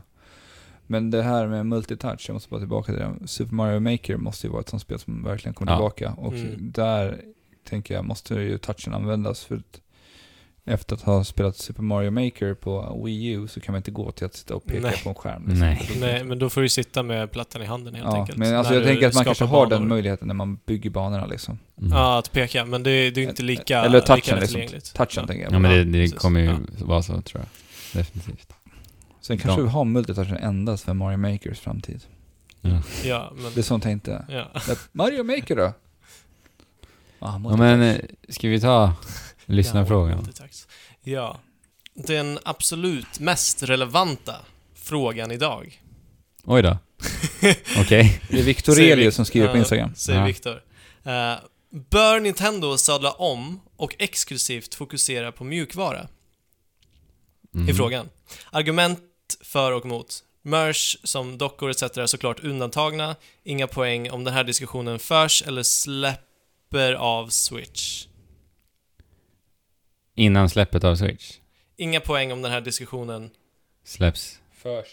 förs efter släppet av Jaha, Switch. vi måste göra det innan den Mm, ja, switchen men- släpps. Det är ju klart. Ja men då Vi gör gör det. Ja, vi gör ju det nu. Ja. Spoiler, jag tycker att svaret är givetvis bör de fokusera på spelen. Tycker, Vi- Viktor tycker att de, det är självklart att de ska De ska, fokusera på gå, spelen. de ska gå tredje Och- part. Ja, och strunta helt och hållet i sin hårdvara. Okej, Mm. ska vi börja på fördelar? Fördelar? Om de skulle... Fördelar om de skulle ditcha Ja. Mm. hårdvara. Alltså det är väl att förmodligen, jag kan tänka mig att... Eh, jag menar, Microsoft och Sony skulle ju vara oerhört sugna på att liksom roffa åt sig dem direkt. Ja, Ja. och Ja. alltså de skulle ju nå ut, alltså den uppenbara fördelen är att den skulle, de skulle lättare nå ut till den stora massan. Ja. Ja. Och de skulle ju få så mycket resurser. Ja, och sen bara så här bredda varumärkena Mm. otroligt. precis. Men då, tänker jag, ja, skulle Nintendo gå med tredje part, alltså bara jobba som mjukvaruutvecklare, Mm. så känns det som att de skulle gå på över alla plattformar. Alltså PS4, Xbox One och eh, PC. Ja, det tror jag. Mm. Om Mm. de skulle göra det. Mm. Alltså, då skulle de kännas inte onödigt att hålla på och begränsa sig. Eller? Ja, speciellt Ja. då liksom. Eller hur? Men alltså, lite anledningen till varför de kan göra sina spel så som de gör det är ju för att de har sin egen hårdvara. som de har optimerat allting de gör till, till perfektion, vilket har inneburit att vi har fått till exempel det fantastiska Mario Galaxy till Wii, som alla bara tittade ner på. Mm. Men det är bland de, bland de snyggaste spelen. Men jag tror inte att Nintendo Idag. hade haft problem att utveckla till andra plattformar heller. Men det som är intressant med Nintendo, det är att de tar fram nya kontrollmetoder. Exakt, det, det är ju det- det, som är grejen. Liksom. Ja, det är en precis. stor poäng. Alltså, om man, det, då, då kan vi liksom gå tillbaka ända till Nintendo 64 liksom. Och vi kan gå Ja. tillbaka till Super Nintendo. Ja, det är Ja. också. Så axelknapparna kom Exakt. ju liksom, det var ju, alltså det, det må låta uttjatat och, och löjligt, för man har ju hört det så många gånger. Ja. Att det, men de, de gjorde axelklapparna, de gjorde analogspaken. Ja, men, ja, precis. Axelknappar, Super Nintendo. ja, Analogspak 64. ja. GameCube, det var... Vibration, vibra, vibra, vibra, Ja, just det. vibration i... Till- Ja, det kom med Rumble Pack Ja. till 64 också. Nej, men var det... Ja, det var det ju. Rumble Pack där. Eh, och sen, vad har vi sen? Wii, såklart. Eh, Mm, motion control. Ja, Mm. precis. Och eh, Wii U, så tog de ju liksom... Ja, DS med touchkontroller. Ja, DS. Ja. Så de, det är ju ett företag som liksom innoverar Ja. Och, Ja. och liksom provar på och försöker liksom hitta nya sätt att spela. Ja. Och det ska man beundra dem för, för det är häftigt. Det är ett häftigt företag Jo, som de som, vågar. det är de som drar fram det här. Alltså för Mm. att, kolla, kolla när Wii släpptes, då försökte eh, både Sony. Microsoft och Sony att göra sina versioner av det med Playstation Move Connect. Ja. Eh, och, och, och jag menar alltså, utan dem så skulle, skulle det här, alltså, de tar nu med Switch nästa steg, för det Ja. här, åt det här hållet kommer alla. Alla kommer gå Men jag tycker det är lite Alltså, tråkigt, om, om man tittar på när Sega gick under med Dreamcasten. Ja, det man Det, det, det var ju liksom också ett företag som försökte innovera hela tiden, försökte tänka, Ja. tänka Mm. nytt. Dreamcasten var en av de första konsolerna som kunde spela liksom, eh, över internet. Liksom. Mm. Om man inte tittar tillbaka, det fanns ju så här, man kunde spela på Nintendo också på något jävla klurigt vis, Ja. man kopplade upp sig via någon jävla satellit. Satellit. Men det här var ju ändå över internet då. Mm. Och de var ju också så här, de ville testa nya saker, de gjorde det redan på Mega Drive tidigare med alla de här modulerna du kunde koppla på Mega Drive. Ja, just det, just det. För att liksom så här Ja, på det, upp den. ja, men på det sättet var egentligen Sega lite mer i, förkant, i framkant än Ja. Nintendo. De, Alltså Nintendo har ju ändå varit bakåtsträvande på många andra sätt. Mm, det har de. Det har de ju. Det går inte att ta ifrån från dem liksom. nej. Det är bara så här online-tjänster, herregud. Mm. Ja. Eh, och eh, de har ju liksom var ju på, på vad heter det, kassetter när liksom Sony hade sina skivor och allt Mm. vad det var. ja. Så att, ja. Men man kan ju jämföra, man kan ju tänka lite på hur det har gått för Sega liksom. Sega hade ju ändå väldigt många kära spelserier. Mm. Och när de liksom gick tredje part, vad hände med alla spelserier? Ja. Alltså, Alltså, jag har inte spelat ett Sonic-spel Sonic-spel på så himla länge. Nej. Jag vet inte ens... Nej men det var att titta på hur, vad som hände med Shenmue liksom, så var Ja. så här, där de slutade Ja. liksom, sa resan, Segas resa liksom, slutade det, med det är liksom som att deras kreativa anda bara gick ur dem. Ja, Mm. och det vill vi ju verkligen inte att Nej. Nintendo gör Nej. heller. Sen, är, sen kan man ju inte säga att samma sak ska hända, men det är Nej. ändå intressant liksom. Men, och, och, men det jag menar med det här är ju att Sega var ju också ett företag som tänkte framåt, de tänkte nytt, precis som Nintendo tänker nytt. Mm. Tittar vi på vad Sony och Microsoft har gjort den senaste tiden, alltså det, de har kommit med nya saker när det kommer till typ online-funktioner. Där Där har de varit jätteduktiga. Ja. Men tittar man på rent hur man spelar spel, Ja. Microsoft gjorde sin Kinect som egentligen var så inspirerad av typ kameraspelande från typ Playstation. Ja, iToy liksom. ja. Mm. Alltså det är ju ingenting som har varit så stort revolutionerande. Nej. Men det de har gjort är ju online, online-funktionerna. Ja, ja. de, har, de har gjort det så att det blivit liksom standard med den Mm. digitala Ja. spelmarknaden. ja, det ska vi inte ta ifrån dem Nej. heller. Nej. Men när det kommer till rent så här äh, spel, hårdvarumässigt liksom, så Mm.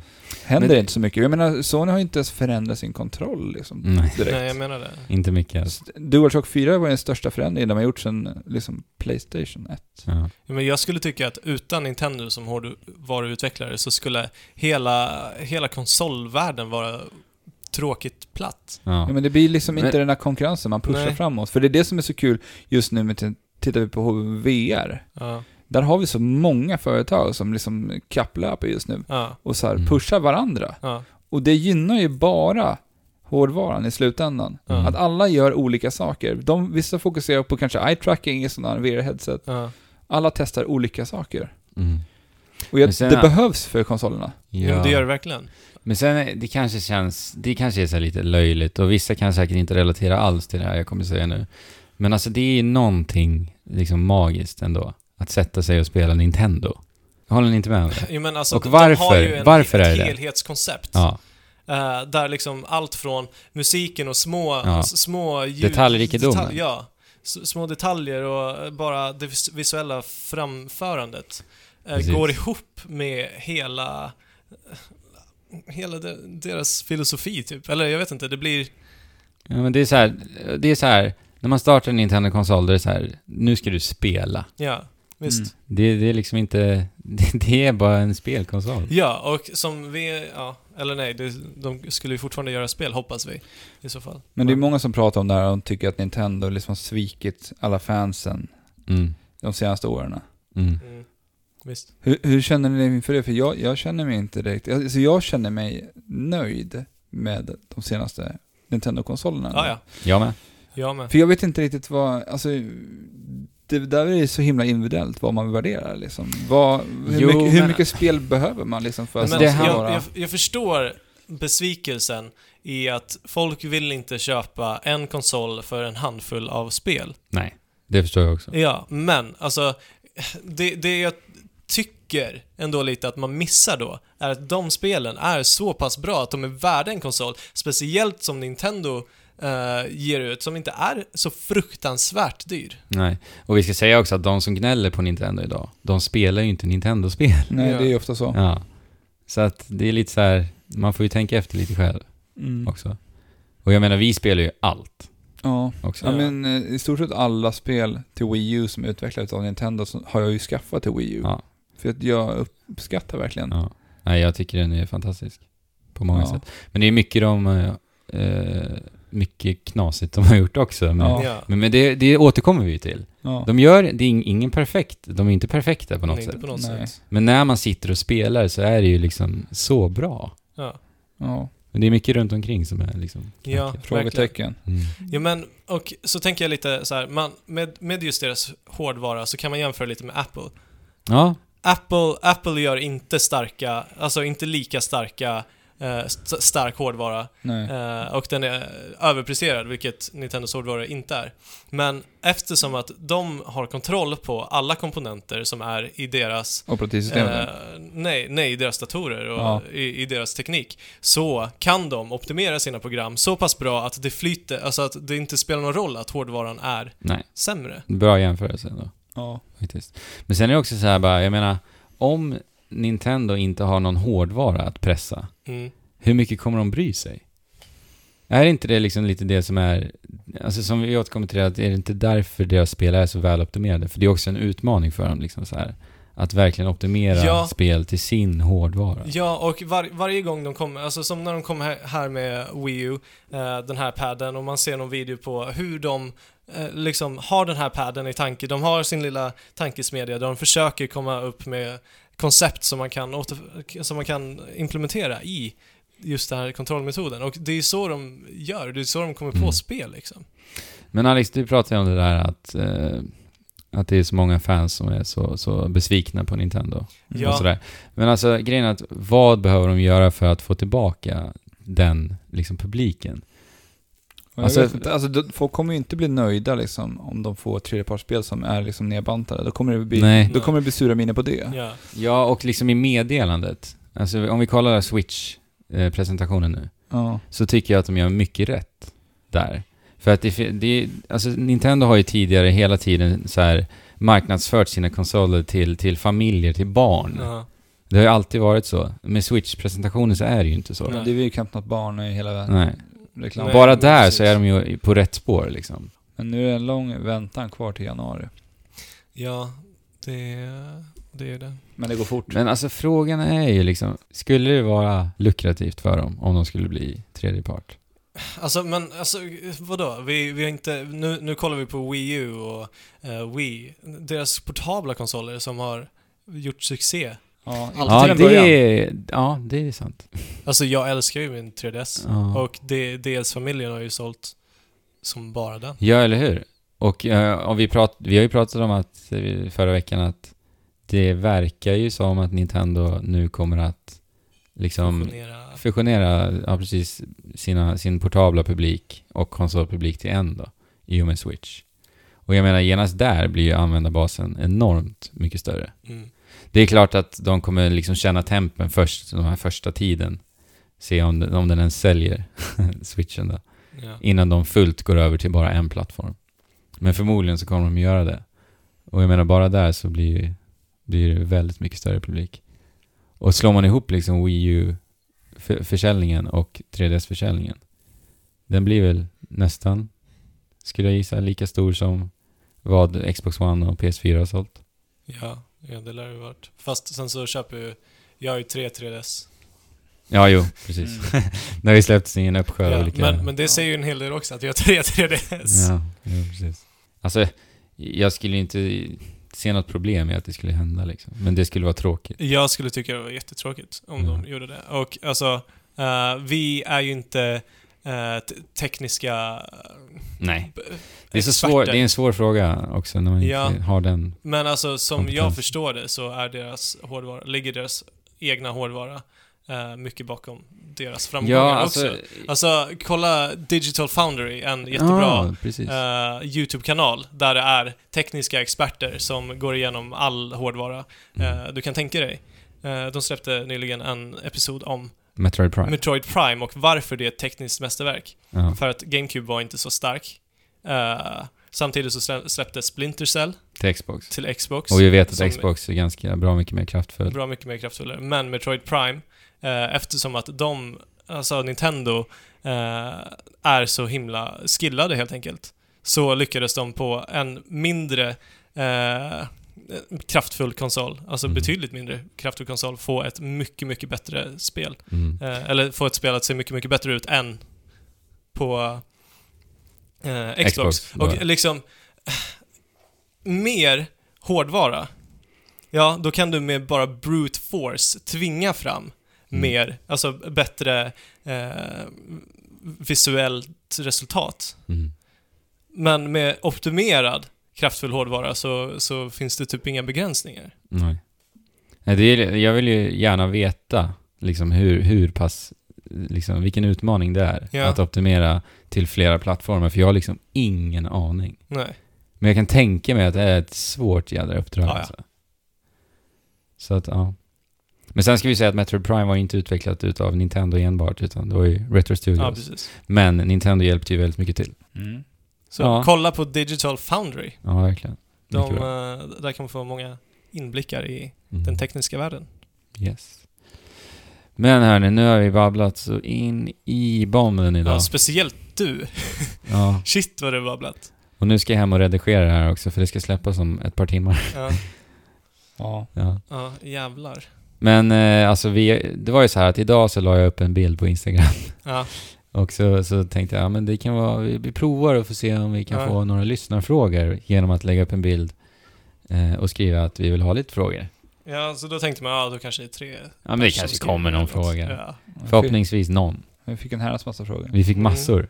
Och så det var några, en jädra våg av frågor. och några har vi klämt in här under avsnittet. Ja, Ja. precis. Men eh, så att, ja alltså vi kommer inte att besvara alla de frågorna nu. Men jättekul att vi har fått Ja, dem. alltså Eh, vi-. Vi sparar dem till nästa. Ja, vi, vi låser in episod. dem i frågeskåpet. Och sen så, så tar vi upp dem i framtida avsnitt, Ja. Ja. helt enkelt. Och sen är det bara att ösa på med mer frågor om ni har. Ja. Om vi kommer om ju ni orkar mejla liksom. Ja, men vi kommer ju förmodligen fortsätta med det här, för det visade sig att det funkade. Ja, det är precis. jätteroligt. Och verkligen. nu är det bara så oturligt att det här har dragit ut väldigt länge så att, Mm. Ja. Ja, liksom. avsnittet Ja. att säga. Ja, precis. ja, så att, Ja. Så vi... Vi sparar på det, Vi, vi, vi sviker inte er här, Nej. utan det Vi är sparar tiden. på det. Vi vet att ni har skrivit. Ja. Ja. Jätteroligt, verkligen. Men ni kan ju ta och besöka trekraften.net. Där har ni alla våra kontaktuppgifter till diverse sociala medier. jajamän. Mailadresser och eh, ni kan också lyssna på avsnittet där. Ja, det Men ni lyssnar ju på, förmodligen på det redan nu. eh. Ja. Men om ni vill så kan ni lyssna på det på hemsidan också. ja, men det, jag ser inga riktiga fördelar med det Nej, men man kan titta på lite bilder kan samtidigt. det. Då kan man titta på bilder på oss då, samtidigt som Ja, just det. det är trevligt. Och sen har vi fått en liten iTunes-recension Jaså, också. är det så väl? Ja, jag har ju tyvärr ingen iPhone, så jag kan inte ta upp den. Oj. Då får vi se till att... Tommy Baloo skriver poddfest. Poddfest. Bra namn på en bra podd, plus i kanten för det utförliga tidsschemat. Oj. Och det är ju det schemat som man kan se på... I, I våra beskrivningar Ja, för precis. avsnitten. Vi skriver ju gärna ut när vi pratar om vad, för vi vet ju att Alla kanske inte är Tiden. intresserade av alla. Allting. tid är ju, är ju väldigt kär här i världen. Va? Ja. Mm. Så att vill man bara lyssna på när vi babblar Titanfall 2 till exempel, så, så funkar det va? Så är det lätt. för er. Ja men jättekul, tack! Tack så hjärtligt Tommy Baloo. Mm. Skicka gärna en iTunes-recension om Ja. ni har tid för det. Supergärna. Fem stjärnor fick vi tid. Och tack till er. Ja. Ja, supertack till, va?